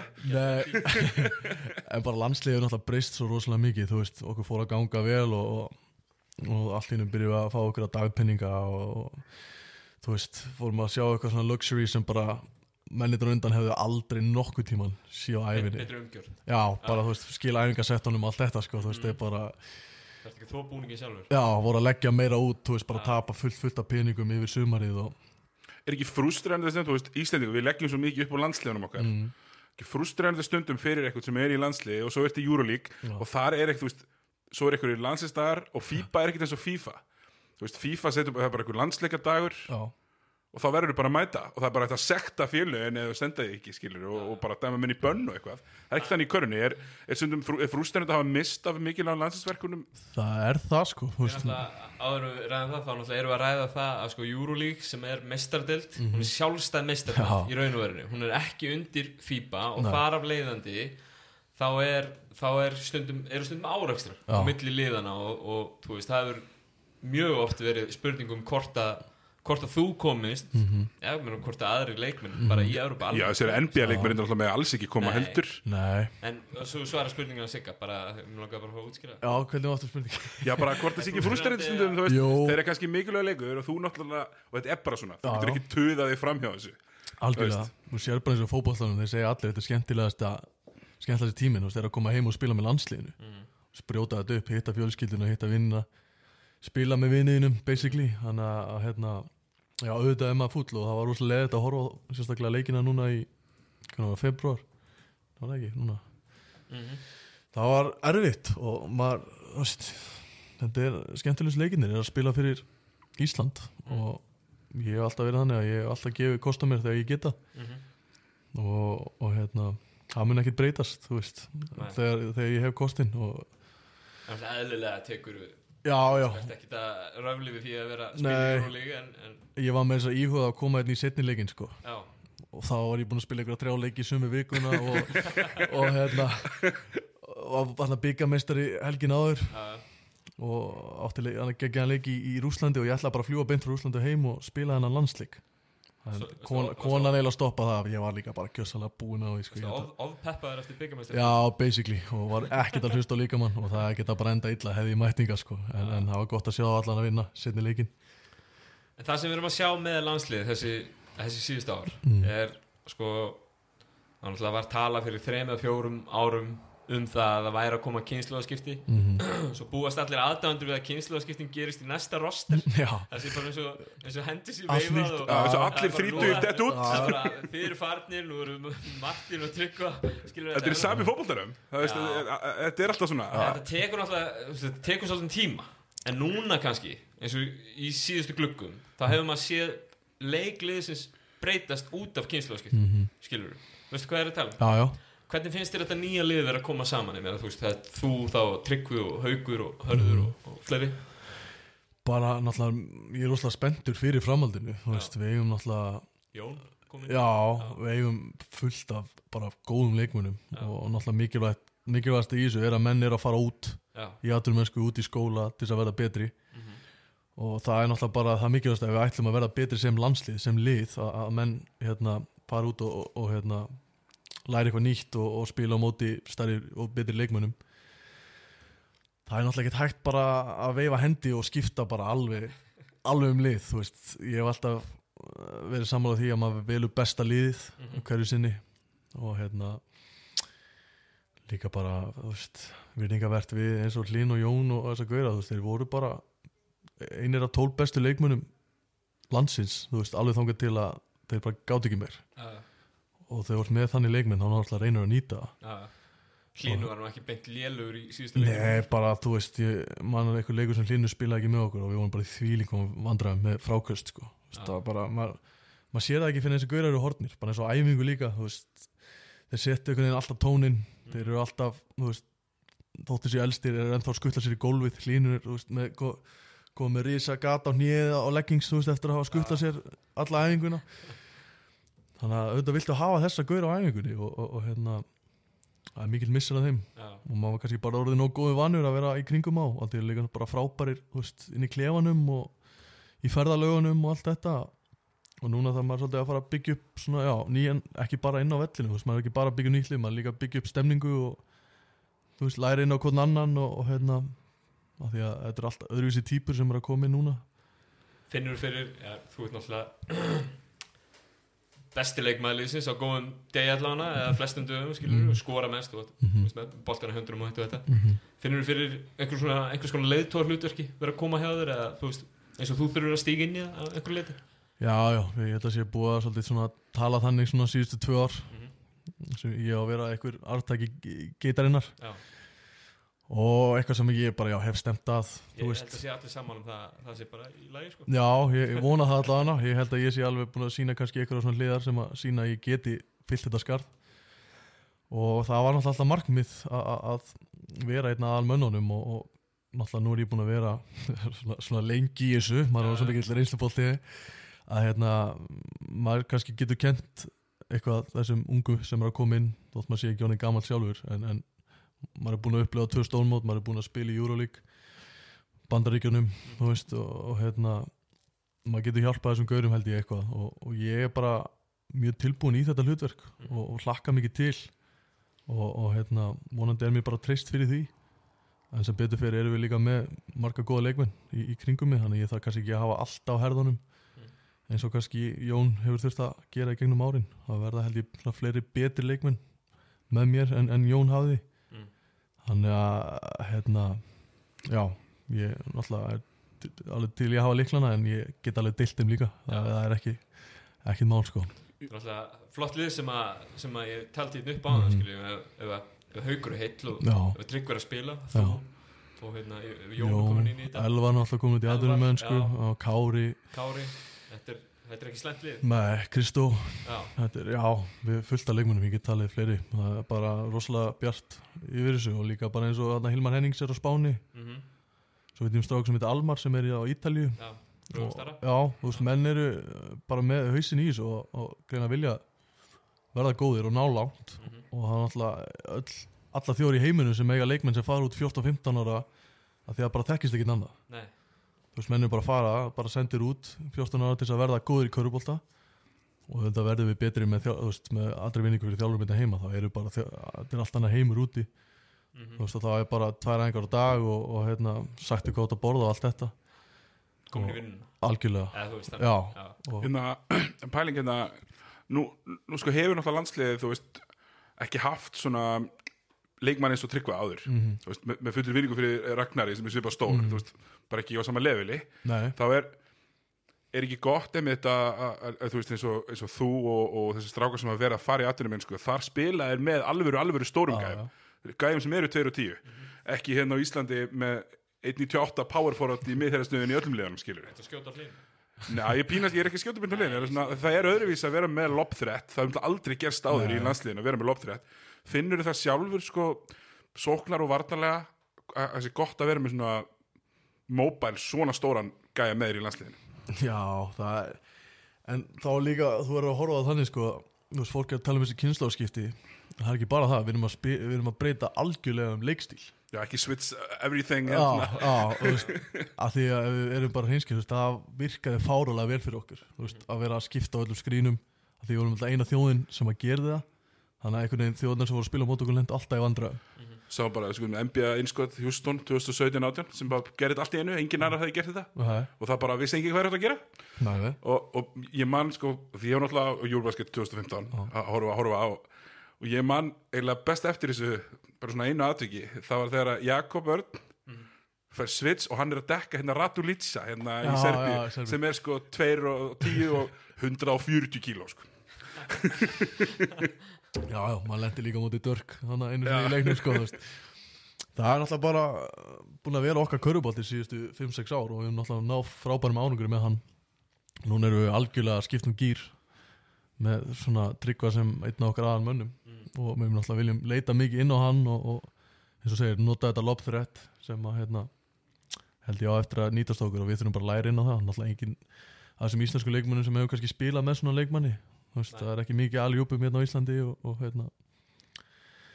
Það er bara allt annar körubolti og ég bara þekki það sjálfur þú veist, ég er núna eini leikmann í liðin sem kann ekki að gefa aljúpsendingar sko, þetta er bara það er alltaf skrítið að koma upp ykkur róli og vera að hugsa um að kasta honum upp, þú veist, þegar maður hefur bara ekki gert það, maður er alltaf að vera að hugsa um bánsendingu eða eitthvað, eitthvað annað og ég hef ofta skammaður fyrir úti bara að senda gólsendingu sko.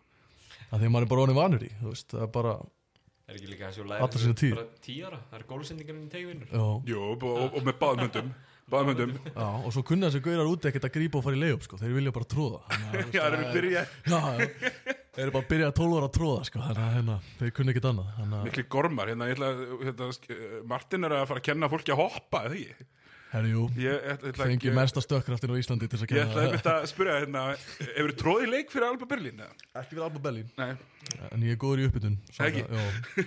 Eitt besti uppbytun á tró, tróðari þú það mátt alveg segja okkur frá hérna, því sem þú ert að gera hérna, þessu, er þetta eitthvað námskeið eða þannig? Nei, þetta var nú bara ein æfing sko. Þetta var hérna er með eitthvað svona kampæn þar sem að þeir fá já, íþróttafólki sitt sem er á samningu að vera með æfingu og hérna já, hafa komið að mér bara og, og, og, og þeir vildi gera stökkrasæfingu með mér. Kom bara þokkalega vel út held ég. Og þeir eru bara hvetja fólk til þess að fara út að æfa og, hérna, taka sig og ég held að fólk geti unni nokkuð kassa og eitthvað, eitthvað er vera. Nei, það er bara alls ekki vera. Og sérstaklega á þessum tímum þegar að- þú þarft að koffinu til þess að- til þess að koma þér út. Það er hérna. Þetta er bara alveg rétt. Uh, Svo við kannski þessi með, með landslið Já. Landslið er að breytast og, og svona það sem við fórum í gegnum Þeir eru að spila hérna, varnalega nýja hluti með tryggur að loka teiknum þegar hann er inn og hann varði 11 skot í síðasta leik. Á, þetta er rosalegt að sjá þetta Já, bara. Það er þannig bara að- hættir að fara inn í Þetta teik er sko. rosalegt. Þeir eru að- að breytast að báða mendum allan eins og Já. svona freka jákvæð þessi 82 kynslu 80, já 82 mm Jón er að hann er bara líklega að hætta. Já, þannig að þetta er ekki búin að gefa alveg út en hann er búin að segja að sé líklega heldur en ekki. Nei, ég ætla ekki að skúpa hann innu Ég fór á, kaffehús með hann um daginn. Ég ætla bara að lega hann að tilkynna sjálfur held ég. En það er hérna, það nú heldur betur sjóna sviftir af, af Jóni Arnóri Stefánssonu Já, úr, já. úr íslenskum körubóll Það það náttúrulega allir. Og hérna, og hann verður hann bara ennþá í kringu liðið Mætur æfingar og hjálpa til og bara búin að að hvaða þýðingu heldur að, heldur að karakter og, og hérna, leikmæður og Jón hafi haft núna já, bara síðustu áratugum í raun og veru fyrir íslenskum körubóll Já, ég náttúrulega Jónardur er bara svo mikil alfa dog sko. þú, veist, þú, sér það bara ekki bara á körubóltaveldum, bara þegar hann mætir í partí þú veist, það taka allir eftir honum veist, þegar hann mætir inn, þetta er bara einhvern veginn sjarminn og, karakterinn og já, allt þetta og veist, ég man allavega fyrir mína sakir þegar ég var að koma á landsæðingarnar og maður var að sjá hann bara á sumrin Mhm. hvað maður vildi sko sína honum hvað maður gæti. Já, já, og það er alltaf fleiri sem hafa hugsað þannig þú veist, vilja sína Jóni hvað þeir eru ókslega góðir og gæti verið að spila úti og allt þetta. Og, hann hafði alltaf bara þessi, veist, þetta, þessi áhrif á, á menn, veist, menn vildu náði besta fram úr sér og vildu einhvern veginn mattsa hann, levelið hans. Og margir sem spiluðu alltaf bara langt yfir getur sko. Veist, spila einhvern veginn betri með landsliðinu heldur en þeir gerðu hérna heima með íslensku ljónum og var hann, var hann dekkaður harðast á æfingu? Já, það bara var ekki sem gæti dekka hann sko. Það var svolítið bara þannig. Og hérna ég maður bara einu mín fyrstu aðeingu þá er Svenni klassin að dekka hann og hann tekur eitthvað svona svakar hefingu á hann og skorar. Svenni lappar svona út af bara fram að mér bara tjúvill hann fucking góður maður. Þá maður já, já, þú veist maður fór að að stæla allt á hann og, og, og sést kannski á einhverjum hefingum hjá mér eru svona- Já, svona- ég fæ svona hörki tjörki í fílingin hérna, Ah. svona stop and go pínu. Þetta er svona öryggi með boltan þó menn séu komnir inn í teg og allir í kring og svona Já, já. minnir Já, já, þú veist, ég er alltaf bara alveg stuð með ég var Vassberi 2000 þegar hann verið mistari fyrsta skipti í mistralóki þá var ég 6 ára. Já, og bara verið, já, svona fyrirmyndi mín. Mm. alveg síðan þá. Og öll YouTube highlightinn og Þú ert eitthvað með þetta í handræðanum? Já, ég horfa á þetta reglulega bara, ég er ekki að grínast, veist, ég horfa á þessi myndbandi á honum og, og hérna reyna að kop, kopja margt af þessu Já. Þú er náttúrulega líka, þú veist, getur maður ímyndið sér, þú svona, þú frekar ungu maður en þá, þú, uh, þú hafi gert einn eða annan hlut. Mhm. Jón er náttúrulega sá leikmaður á Íslandi sem að, sem að hefur átt hvað, uh, hvað svona, svona bestan uh, atvinnum hann feril í raun og verunni. Er hann að hjálpa þér eitthvað með ráleggingum og einhverjum sluðis? Já, já, með, með já, já. Jón Arnór alltaf átti bara svakalega fyrir Já, og spilaði bara með mörgum bestu liðum já, bara í Evrópu. Já. og auðvitað hjálpar hann mér mikið þú veist, einhvern veginn bara allar ákvarðanir sem ég hef tekið hafa farið gegnum hann veist, ég hef alltaf rætt við hann með, með allt það. Og hérna, nú er hann komin svona inn í svona umbóðsmennsku, eða þú veist, hann er byrjað að hjálpa umbóðskrifstónu sinni. Já, og er að reyna að fá mig yfir veist. Sem er, sem er gaman og hérna úst, hvort ég gerir það ekki þá verður hann alveg áfram í því að, veist, að já já og ég læta hann alltaf vita öllu hvað er að gerast og, og hérna, hún finnst það alltaf bara gaman líka. Já, og, margt svona uh, mörg tækifæri kannski sem að hann slefti sem að hann vil sjá mig taka. Já. eins og kannski að fara í sömulík og allt þetta, þú veist og það er alveg eitthvað sem ég er að pæli Ef við tökum það aðeins lengra, skilum þetta eftir hérna bara uh, Nú ert þú með lausa samning núna frá Alba Berlín mm frá Júrlíu, skilaðir flottum tölum og Mhm. framistu á þessum tveimur áriðinu með Mhm. liðinu Já, vaksandi líka sérstaklega Mér veist já, allt annað að horfa á ykkur Jálfa Berlín spila í februar heldur en í, í oktober í júrling mm -hmm. Hvað hérna, þú veist, hvað ber framtíðin skauð sér? Ertu, ertu að skoða að fara vestur um hafið eða ertu að skoða ACB eða ertu að skoða að vera áfram þarna eða hvernig, hvernig fyrir þetta fram? Eh, Það er alltaf bara eins og tíma drifur núna þá er það bara allt í ykkur ruggli sko. þú veist, maður veit bara bókstæðlega ekki neitt hvað verður og veist, ég veit ekki ennþá hvort ég sé að fara að klára tíðanbilið með Alba Berlin Já.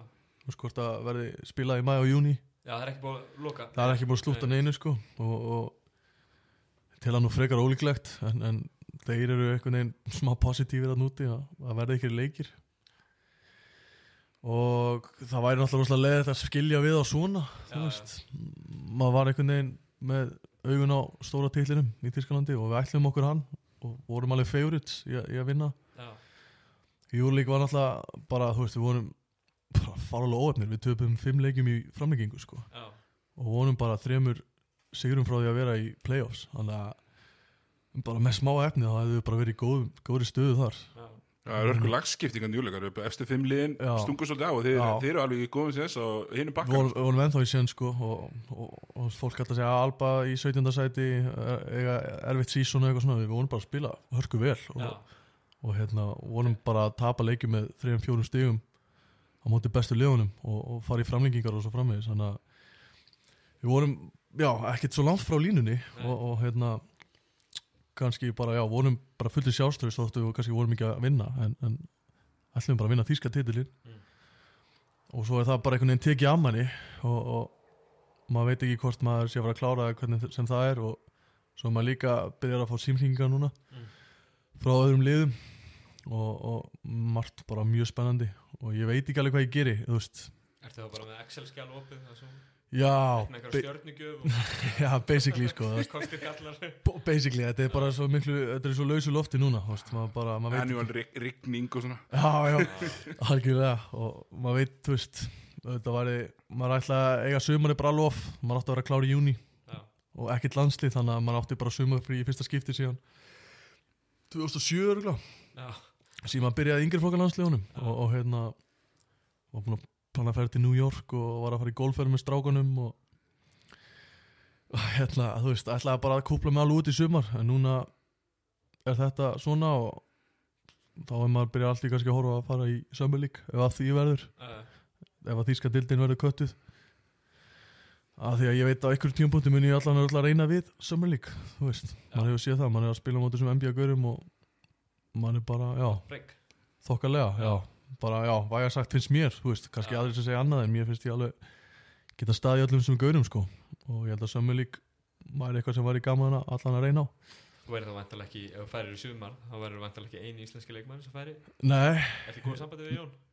svona, já, já, af og til, kannski ekki alltaf miklu, Nei. en, en jú, við, við heilumst alveg svona reglulega, kannski, en, en bara mikið að gera hjá okkur báðum og, og hérna, ég hef gaman að því hvað sko ég er náttúrulega er svona NBA, NBA haus. Mm, og ég hef voða rosa gaman að því hvað sömmerlík hefur orðið stór. Mhm. þetta var bara 12 lið fyrir 10 árum og núna er þetta öll 30 NBA liðin Já.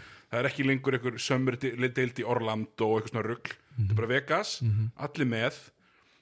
Og einhvern veginn bara fara á stað. Ég er hrifin af því en, en svona pælingin sem ég langar að spyrja af því að, af því að sko núna ertu náttúrulega með, eins og segir, með lausa samning eftir tíðanbilið Mhm. og þá er einmitt kannski sjensin á að fara í sömmerlík, þú veist, það er kannski erfitt samningsbundi leikmaður.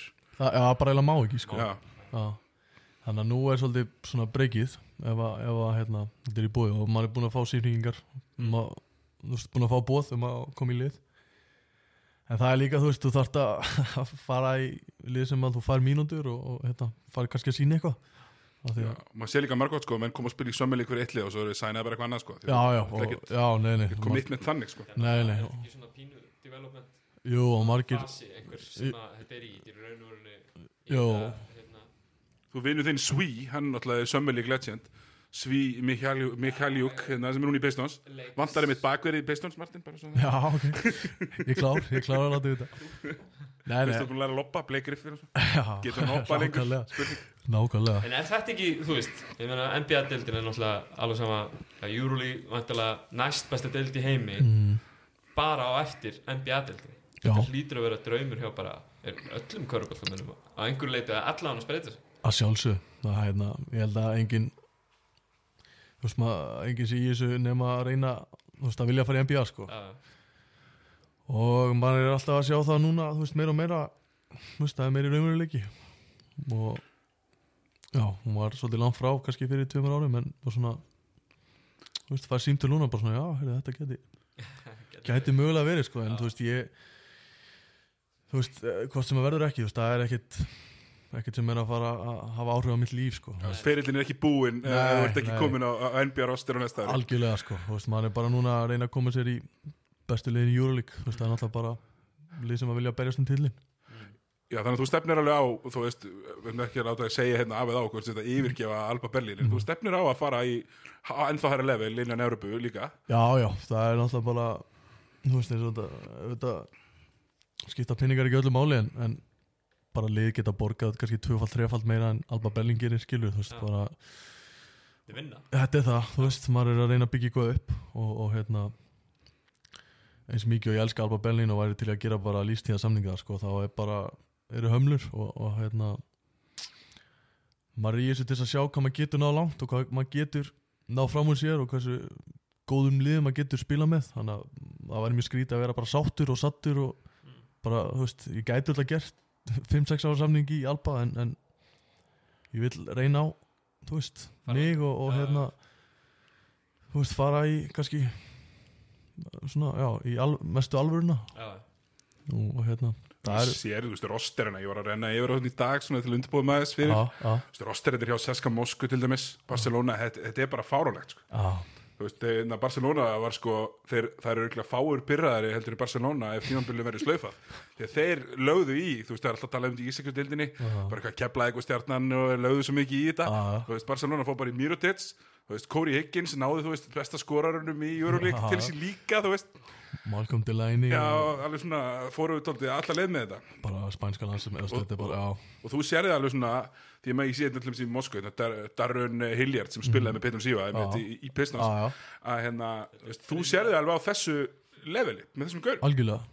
Og ég byrjar að fá símtöl frá þessum liðum og það er bara algjör það er bara raunveruleiki sem er smá surrealist en þú veist, bara eitthvað sem hefur alltaf stemt að Er ekki, er ekki gaman og skrítið að vera ákveðt í þessari stöðu núna í, þú veist, við vorum að klára fyrstu vikun í apríl mm -hmm. í september, Mhm. þá veistu ekki hvað rátt heima þá hvernig þú að vinna eða hvað ég verða bestu vinniðinu Nei, ég bara hef ekki hugin og veist það er líki skilda dótu veit eftir í Þísklandi ég ætti að vera að fara aftur eftir mánuð sko. Að En þú hef veist þetta ekki svona Jú, þetta er náttúrulega Þetta er rosa furðulegu lífstíl sko. Já. og, og hérna mann er bara honum vanu honum þetta hefur kannski meira áhrif á, á konuna og vera alltaf að kveðja vini og, og hérna búin að kannski byggja upp heimili alltaf, alltaf að brjóta niður. Já, hann hún skráði sig bara í námiðna heima og ætla bara að koma að heimsækja mig sko. þetta er eiginlega orðið, orðið þannig bara og hérna við alltaf kiptum okkur íbúð núna Já. í, í fyrra Þannig hérna að, Íslandi, eða já, í Vesturbærum nei, fórum í, fórum í hérna atvinnum að hverfi í Urraholti ég held að búið bara atvinnum en það það er bara allt tómt á vetunar og svo er allt íðenda lífi á sumrin. Hvað segir eitthvað atvinnum hann að Já, ég er sko bara í mínu stígagangi er Guðjón Valur er fyrir ofað mig og Aron Pálma er á móti mér Það er ekki vera Nei, hann að það eru bara þrýr, þrjár fjölskyldur í þessu En, sex en manna svo blokk tök, sko. tökum samt fram fyrir, fyrir hérna að því að það tekið fram hérna að það ætti ekki verið fram mikið afbrotum að þeir eru allir heima núna Við erum all, já, er allir heima. Alla konur eru heima núna það er ekki tóm, tómar íbúðir sko. Við erum að leita eitthvað stígaganga móti, þrýr og þrýr Ég held að við getum unnið í hvað íþrótt sem er það held ég En hérna, já, það er alltaf bara rosa spennandi og, og hérna vonandi bara rætist úr þessu í sumar og bara allt verði, já, fyrsta lagi bara eðlilegt aftur, þú veist. er rosa skrítið. Já, það er það, er það. Og, og hérna það er alltaf það sem maður hefur mestar ágjur af. Hvernig leggst í þig að mögulega, þú veist, eins og við talaðum mögulega í NBA og vantarlega mögulega í júleik spila eins og, þú veist, áhörundalösa leiki. Það er rosa Er það skrítið sko. Það er bara, já bara ískur í skóm hérna, Það er, er, það er eins og valsleikur bara í november sko. það er- það er aldrei, það er ekki bótt í lífur ekki nema þessi skotið á, á mætingunni Nei, ég var, var, að skjóta mína menn hana. Hérna eh, Sérstaklega þessi káringur það, það er þér alltaf rosa skrítið. Þú veist að ma maður Sérstaklega þegar maður er vanur í að spila fyrir framann 8-9-10 manns á meðatali Já, og en það myndir náttúrulega kannski bjarga félaginu bara upp á, fólk myndir öll að kaupa, sig, kaupa sér aðgang að horfa á leikinn og sponsorarnir þurft að standa við sitt að borga því að auðlýsingarnar verða sjást og svo framvegis. Þannig að. Þetta helst allt í hendur. Já, ef, ma ef að- maður þarf að gera það til að fá launin sín þá er það bara fylgjum að því sko Já, þú veist, maður sér NBA-deildin er að fara að henda í asna. Það, það, og sko, ég, ég verið veri límdur við skjáin og þetta er samt hörmuleg pæling. Já, ég verið límdur við skjáin sko. Hörmuleg pæling, þetta var reynd 2009 og 10 í stjör, stjórnulegnum Já. Hættu við það því að það var enginn að horfa á það sko. Nei, það var líka bara Núna allir- Ú, bara, hver er alltaf að spila asna? menn fara að bet- hægt að betta á þetta og allt þetta sko. Þetta verður bara Ég náði sjálfum mig þegar ég var að skrifa þessa asnafréttin daginn. Náði sjálfum mér í svona mómenti. Og svo bara, eru þetta tíman sem við lefum?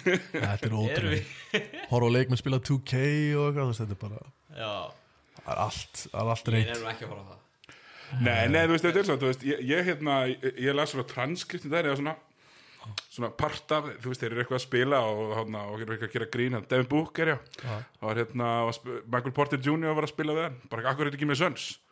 Kemur ekki til greina að vera söns, sko. ég ætla að vinna þetta, sko.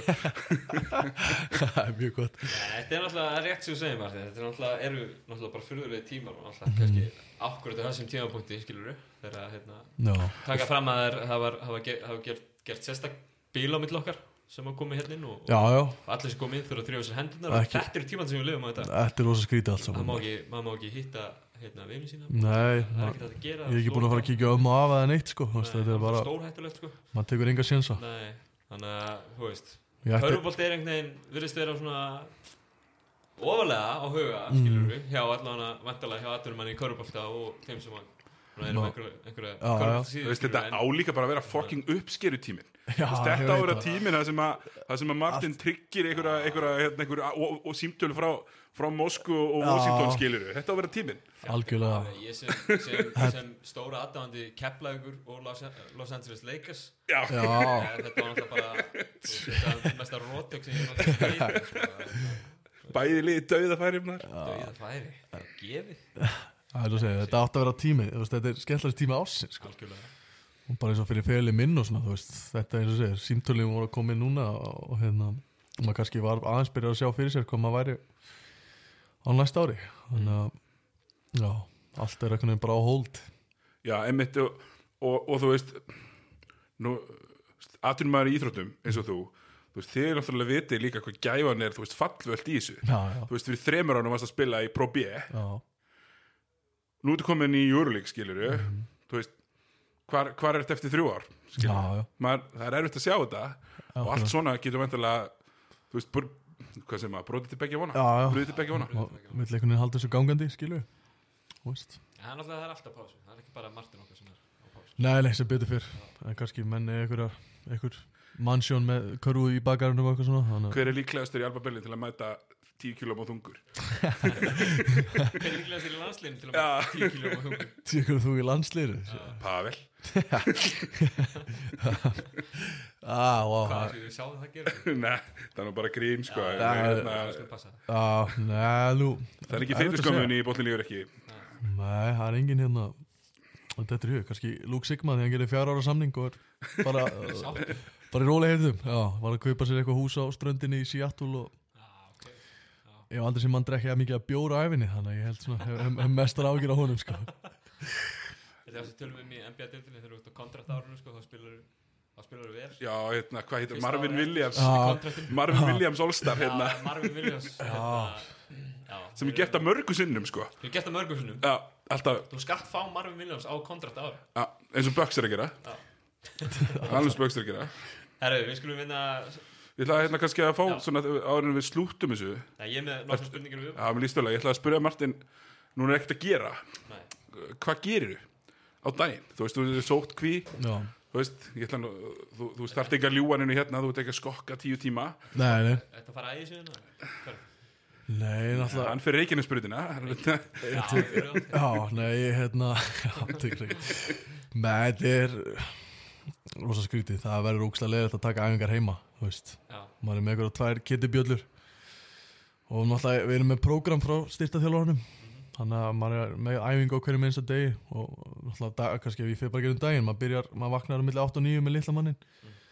gerir háragröð fyrir okkur og hann er náttúrulega ekki búin að vera á leikskólum af því hann var með mér í sókví. Já, þannig að yfirleitt, já, fá okkur að borða og svo fyrir við kannski bara aðeins út að leika röldum eitthvað annum hverfi og svo leggur hann sér í hátdeinu og tekið æfingu og svo vaknar hann og fyrir við aftur að leika út og svo bara komin kvöld sko, þetta er ekkert eitthvað mikið aksjón þannig skilur en maður bara hugsa bara, veist, maður er með honum og, og konunni og, og svo tekur maður æfingu og svo bara meina í fjölskyldutími sko. Er það ekki svona, svona, blessing in disguise? Jú. Jú, jú, algjörlega, veist, það er náttúrulega sérstaklega þegar maður búin að sjá þau rosa lítið yfir árið, þar sem að konan er í skóla einna heima, Já, þá var þetta náttúrulega bara geggjað og, og náttúrulega bara kynnast honum betur og svona en, en bara eins og allt annað, þú veist, ef þú ert fastur inni með sama fólkinu í marga, marga klukkutíma, sko, þú veist, bro, brotnar á einhvern tímafóti, sko, þú veist En- verður hlutinni dicey. Já, algjörlega, það er bara, þú veist, að það er bara mennst, skilu, það er ekkit, kemst ekkit fram í því. Er, hérna Það við erum með spurningar af, af netinu Já, ég ætla að fara í það. Þannig Ég er með nokkra svona loka spurningar. Ok, Eða loka, já allan að Að, aðdáðundur Svona, svona við erum komin í þriða þáttin uh, Ef þetta verið bíómynd. Það hérna Þriði þáttur, leikritsins uh, Fengum uh, nokkur spurningar uh, Gennum Twitter. Teitur nokkur Örlusson hmm. Hann vil fá að vita hérna Hvað er með í forgjöf Og hvort þú hafi farið hóli í höggi. Eh, já, ég hef farið hóli í höggi Já, komin í einherja klúbin Næs Ertu á með svona badge á, á settinu sem stendur einherri Nei, ég fer nú ekki svo langt. Ég ætla að ramma, ég, ég ætla að ramma kilvun og boltan inn heima. Konan samþýtt það ekki. En hérna, nei, maður er komin í klúbin Það er gaman að því Og hérna maður getur sig að því og, og- en, en sko forgjöf, ég er ekki skráður í klubb þannig að það er smá vesinn Já. en maður er svona forgjöf svindlari, þú veist, ef maður fer á gólmótin og svona og hérna, en ég hef spilað best svona þrim, fjö, já, bestir hingur minni fjórum, fjórum högum yfir pari Það er nokkuð gott. Já, með að við svona hvað maður spila lítið og kannski hérna og ætli maður sé ekki kringum kannski svona 13 kannski Golf hefur náttúrulega lengi verið hlýðar íþrótt. Körfubolta. Já, við, ég er búin að uh, Luke Sigmar er mitt mjög mikill Já. gólvari þér, finnur þú fyrir pressu að fara inn í golfi? Nei, að, þú veist, ég veit allan að þetta eftir fyrirlin verður þetta bara nummer 1, 2 og 3 sko Já. Nei, Steff Curry, ég veit ekki þátt á svona áskonandamótum sko Ég tók þátt á Lexus múndi fyrra og endaði í þriðasæti þannig að ég, já, finn alveg ég get orðið góður í þessu og hérna, þetta verður já, verður mikið stundað eftir fyrirlin Uh, með aðra spurningu frá, frá auðunni Blöndar. Hann vil fá að vita hvort þú sett góðu kokk. Fáið því maður uh, Já, kannski fyrir alla sem að horfa, horfðu á hérna aðdunum minn okkar, þá skilja þér djóki hérna, lasagna rétturinn sem við, við reyndum að bera fram Það klikkaði. Það klikkaði væga sagt Hérna, ég er samt sko Ég er ekki góður kokkur Við skulum að hafa það alveg á hreinu Hvað þú? Er gótu það? Það er eitthvað svona eitthvað kjúlingabringur með eitthvað svona osti og, og hérna Íslenskum ásti serrano skinku yfir á, með gotta með gotta.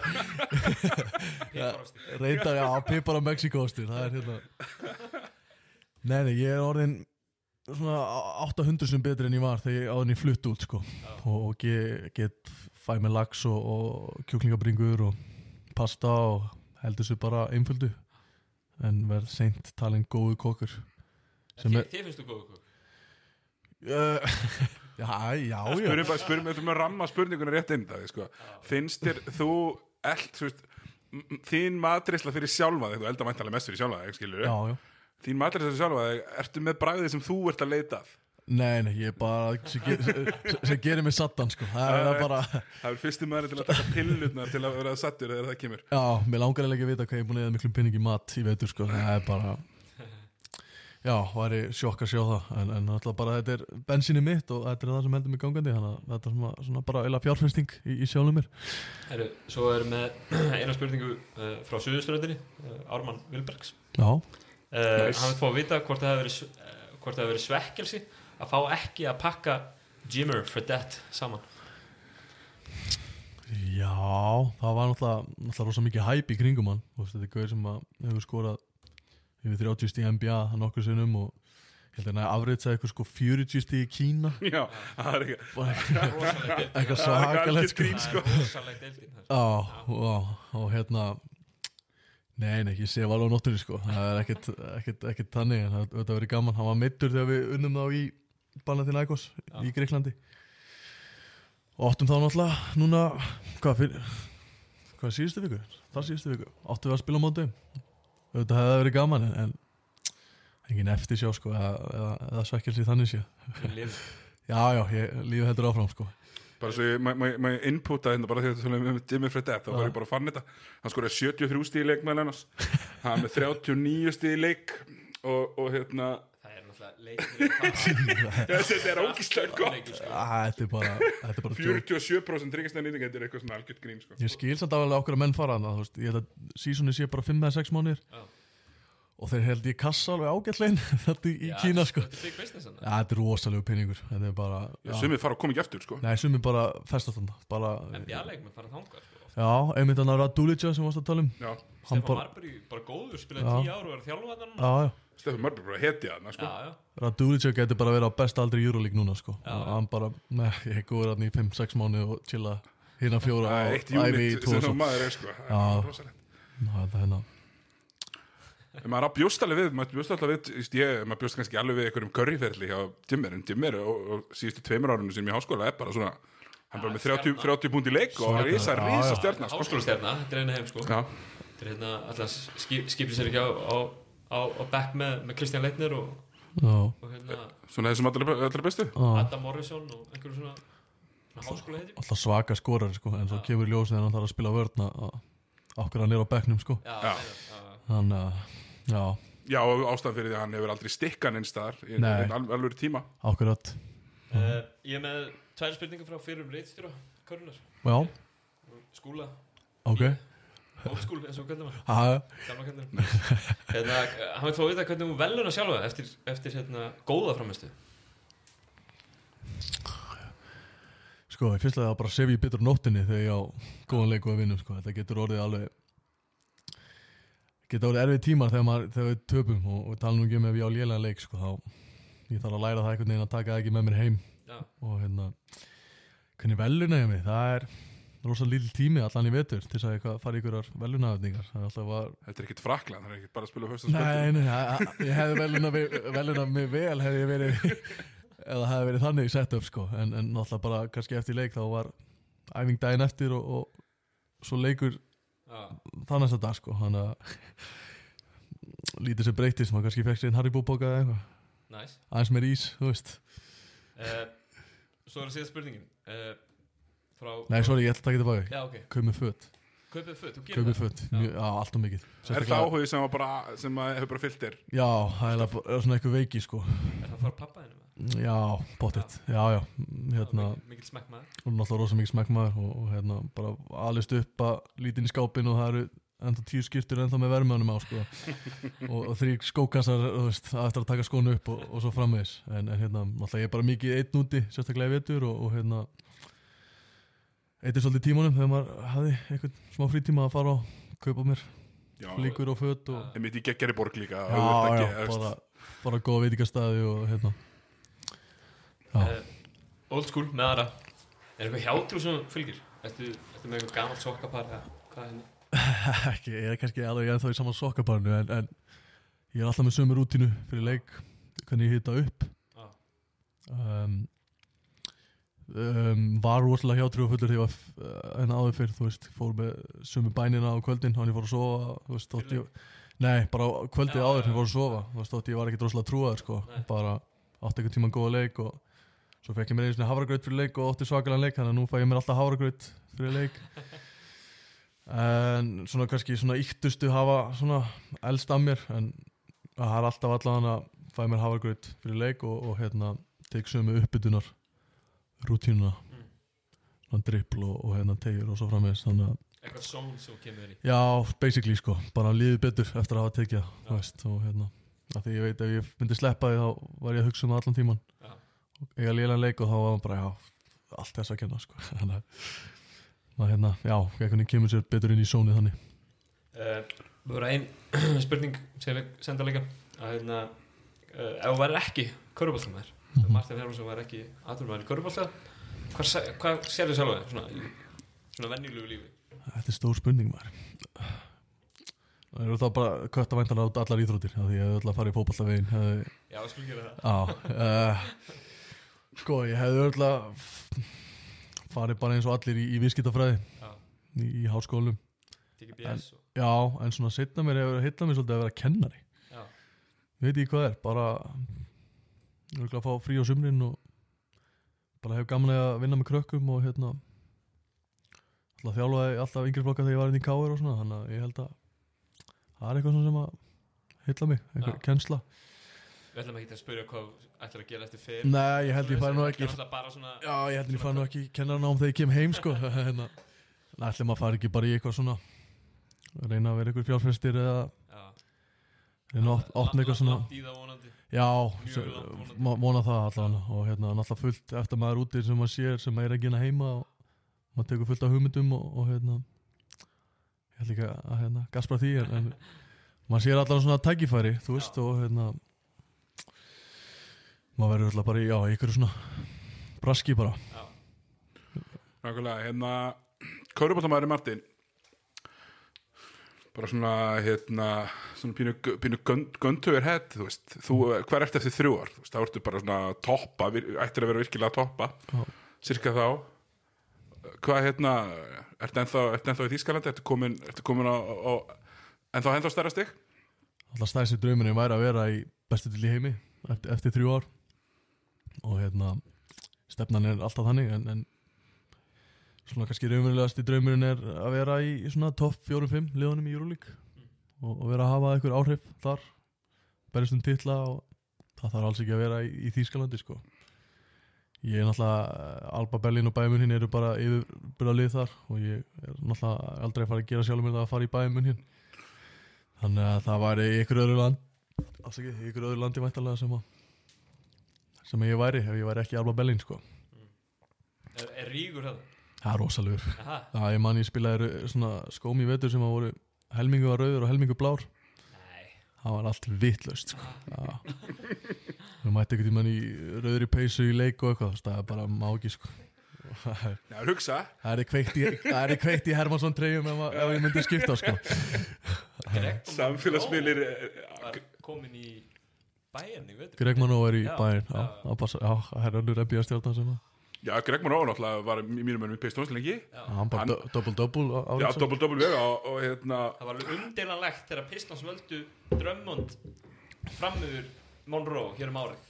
Monroe kom ára ára undan inn í Já, ég er að segja, þeir völdu svo Já, völdu að semja við. Já, sömdu við annan og hann var látið fara sko. Það En svo- þeir spila náttúrulega En Þú veist, breytingin á boltanum í NBA eiginlega svolítið svona feysaði Greg Monroe út, sko. Hann átti mjög erfitt með veist, að, spila Já. 600 pick and roll varnir í leik. Já, já. Hann hefði spilað sjö stjörnuleiki á, á nýjönda ára Já, bara klála, frábær út í körunu með geggjaðar reyningar Já, en svo var það bara veist, með svipað tölur í Euroleague og hann var með NBA Já. sko, þannig að þú veist. Þetta er rosa skrítið allt saman. Já, maður pælir í því sko, einmitt. Hérna, fyrstu, fórstanga Hérna, hvernig menn eru startaðir Já, Í NBA eru menn gjafmildir. Já Þú veist, á já. sérstaklega, maður sér maður sér sko, þú veist, Nikka Líðis kannski með 8-9 og hann Já. er yfirleitt sko, svolítið vel fyrir ofan rest sko, Já, já, meðan í NBA er og menn, þú veist, það er ekki, þetta er ekki af slæmt og, og menn voru að gera hérna í Utah og John Stockton með 15 í, í leik, skilur en, en núna, þú veist, það er alltaf fullt af gaurum með 10 og fullt af svona 9 og eitthvað svona. Er, finnur þú fyrir því sko, að þú veist, þegar, þegar þú ert að selja auðvitað sem leikmann Mhm. að þá eru menn auðvitað með tölfræði blaðið eitt við hliðin á sig, sko, þú veist, það er ekki bara, mér finnst hann flottur nei, nei, nei finnur það stundum að þú veist, er, er, þú veist þegar þú, að þið náttúrulega horfið á leikina og svona, þú veist er, er, er svona, ég veit ekki hvernig ég á orðið þetta, þú veist, það er sem er ekkert er ekkert að splæsa stólnu bolta eða er, er bara lúsból sem hún erði og svona alls konar þannig. Að ná tíu sko, stóðsending með Euroleague er bara eins og er að vera með 20 í NBA sko, það er náttúrulega hérna Kannski Lebron James sem að var að leiða deildina í vetur og hann var með tíu. Já.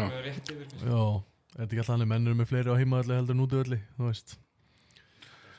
Maður finnst líka bara svo gott, sko, þú veist, þú dömpar hann á póstinn kemur svona tvö drip power hérna, og Já, getur þetta ímið hvað pointgardin hjá hvað Jason Kidd fekk margar út af Dirk sko, þú veist það bara sendir hann á postin og hann tók og...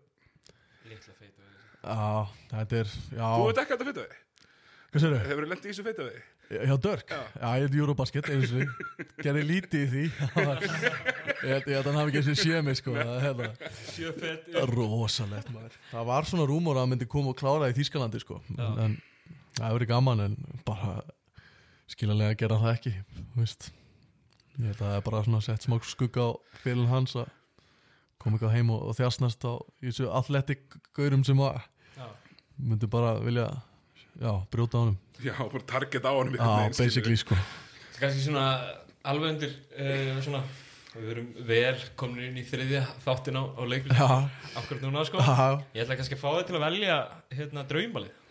Mhm. Þetta kannski byrja á draumalið anstæðinga Við förum bara ás upp í filmu Ef- bara hérna á Íslandi þá, það er ekki skemmtlara ekki, á Íslandi? Kannast fólk ekki minna það? Jú. Þú ræður, já. Ja, þið ráði, þið, ég, ég er gesturinn hérna. Siggi, hvort er þú? Hvað viltu við, Sko, fínt sami um mótirinn í Íslandi en sami er þetta með að vera hvar sem er. Hvað sem er. Já. Ok. Mótirjar, já. Kannski bara fá smá undirbúninga Draumalega alltaf, ég myndi alltaf setja Elvar. Já, Minn allra besta og ég hérna Mótirjarlið um, Hlín Bæringsson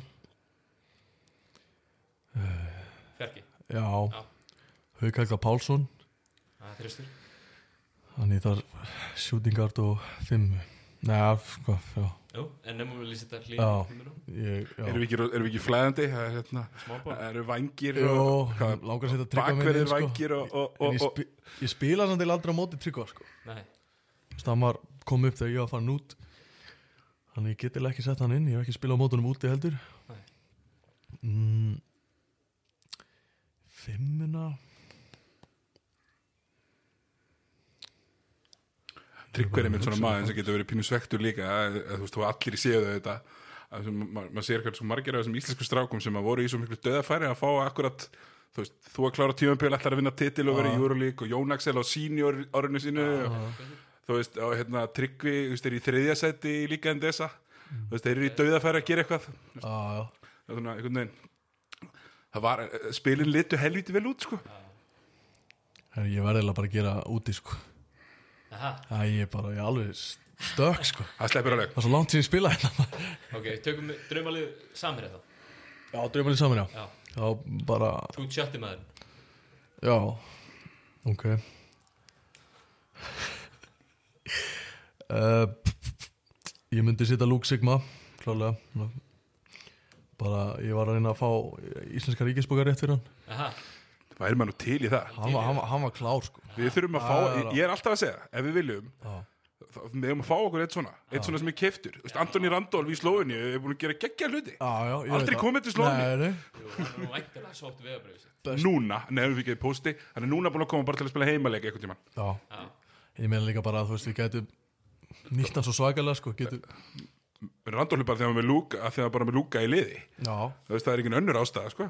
Er svona reyndur náttúrulega að fara þess að leiða einu sinni þegar, Damon Johnson fekk ríkisborgarrétt það spilaði ekki nógu mikið sko. mér er strósa vel að lúka í segma því að hann er í strax fan favorite sko. Algjörlega, hann bara myndi passa fullkólega og líka bara persónleikin og veist, hann er með svona evróskan stíl, klípi rassinn og allt þetta inn í sturtinni, sko, hann myndi bara henda fullkólega fjarki sem getur skotið og tekið frákost og líka postað upp, þetta væri bara fullkomið í íslenska landslið Herri, ég sitt hann svo sitt ég Jón Arnór Já. líka. Sko, það er þetta að líta fram í öllum þessum íslendingum eins og, ég vil ekki að sita elvar og hlýn og allt þetta sko í mittlið líka. En sko ef ég reyna svona að byggja upp sterkasta liðið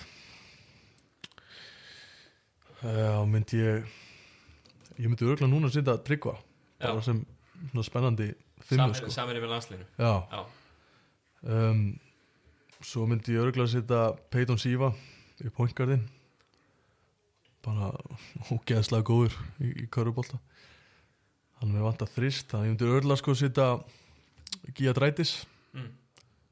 lítanska landslismannin eða hérna Markus Eriksson, Svíjan spilaði með þeim. Ég spilaði með þeim núna, er Já, báð með mér í Alba já. Berlin. Og það eru bara ég aldrei sé að aðraðin skittur maður setti 105 þryggjastar skot í röð. Ég aldrei sé veist, það er bara, þetta er bara rugl. Og við erum með svona keppni sko þar sem hún sittur sér 5 þryggjastar staðir. Mm. skýtur þess mörgum hittir þess mörgum í röð og getur. Og klikkar þá fær hann næsta stað. Mm. hann fær 5 klikk. Hann setti sko 254 að 259 sem að er fáránlegt. Þetta er bara, þetta er bara síra sko. Ég var sáttið með mína 90 sko sem er þú veist 90 og 95 þú veist það er þokkalegt. Það er bara, þú veist ég geti ykkurlega hitt sko mækanlega upp um 254 með 259 sko. Þetta var eitthvað rosalegt sem ég sé. Þetta er inn á YouTube, Markus Eriksson ef, að- ef að menn vilja tjekka því, trúum mér ekki. Brjálaði sví Já, þetta er hérna líka flottur, ég p- náttúrulega dró upp mynd á honum sko Já, fyrir fram, hann er náttúrulega gríðarlega útliti, það er hann er gríðarlega svenskur sko, hann er Nafni líka Já, frábært nafn náttúrulega Já, ég man eftir að voru tala um hann hérna eh, fyrir eitthvað draft, ég man ekki hvenar Hann var alveg prospect Já. á sínu tíma, hann hefur kannilega verið Hvað er gáð? hann er 26 ára núna að Spilaði þú þá á mótunum ekki síðan í Norðurlandamótið? yngri landsliða dæmið það Já, Aha. undir átjón, það er rétt Já. Þegar ég var á yngra ári, hann er, hann er 93 módel sko Mm. Þá unnuður okkur einmitt í, í hérna, úrslitaleiknum Mm. Ég held að hann hafi skorað 28 á okkur eða 30 eða eitthvað. Hann er á mála hjá Barcelona alveg frá 2011 sko. Já, hann er draftarinn í NBA sko Já, já Atlanta Hawks Já, Pick second round, 50. 50 bara Ég veit sem fyndi, ég var að spyrja hann út í þetta sko Hann bara, þú veist, hann var ekki mættur Hann var bara heima svoandi, svo vaknaði hann daginn eftir Bara, heyrðu, það er búið að drafta henni í NBA Það bara, já, ok Hvert að þau fara? Það fyndi, það var mitt general managerin í Alba Var sko skátt fyrir Atlanta Hawks þá Og hann Já. fekk hann inn þar sko Og sæna hann svo núna í Alba Hann, hann er vægast að trifin á hann Er þetta Þetta lítið hlemur? Þetta er nefnilega þú veist, maður, þegar maður er svona, svona outside looking in að, veist, að hvað hérna, þú veist, er þetta minna heldur en kannski menn já, já, þetta er Þetta er það sko, Bara eins og, allt sko og maður einhvern veginn þekkir eitthvað sem þekkir eitthvað og þetta er náttúrulega bara átjónlega dild í Já. Euroleague, þú veist, þetta er, er ekkert mikið stærn en það og, og hérna já, bara körubólta fjölskyldan er lítil allstæðar, þannig sé sko Já, þú þekkir alltaf, eitthvað- eins og sé, þekkir alltaf eitthvað sem að kannast við eitthvað eða getur haft samband eða eins og núna fyndi sko, já, kannski uh, gefa ykkur smá hvað er að gerast það, hérna Milano Mm. hérna, Armani Armani Armani. Milano já, Nice. Gekkjana já, já, búin að fá hérna búin að fá símtál frá þeim. Já, og fór ég að hitti vínina um daginn. Það var tvekja myndar reglu og allt þú veist, engar ágjörð því. Og hittumst því svona bara smá spilakvöldi. Þar sem allir voru með sitt og, voru allir með sitt eigið blá og svona við vorum ekkert að brjóta neina reglur. Nei. hérna, Góður. þá hérna var ég að segja hvað hérna var að gerast. Og sagði þeim að gíska sko.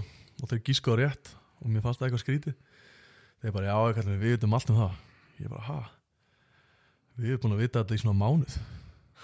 Ég bara, hvern okkur þið búin að vita þetta í mánuð? Ég var að heyra þetta sko áðan. Þeim bara, já, hérna, þjálfarni á Milano er búin að ringja í Gústa Björgvins.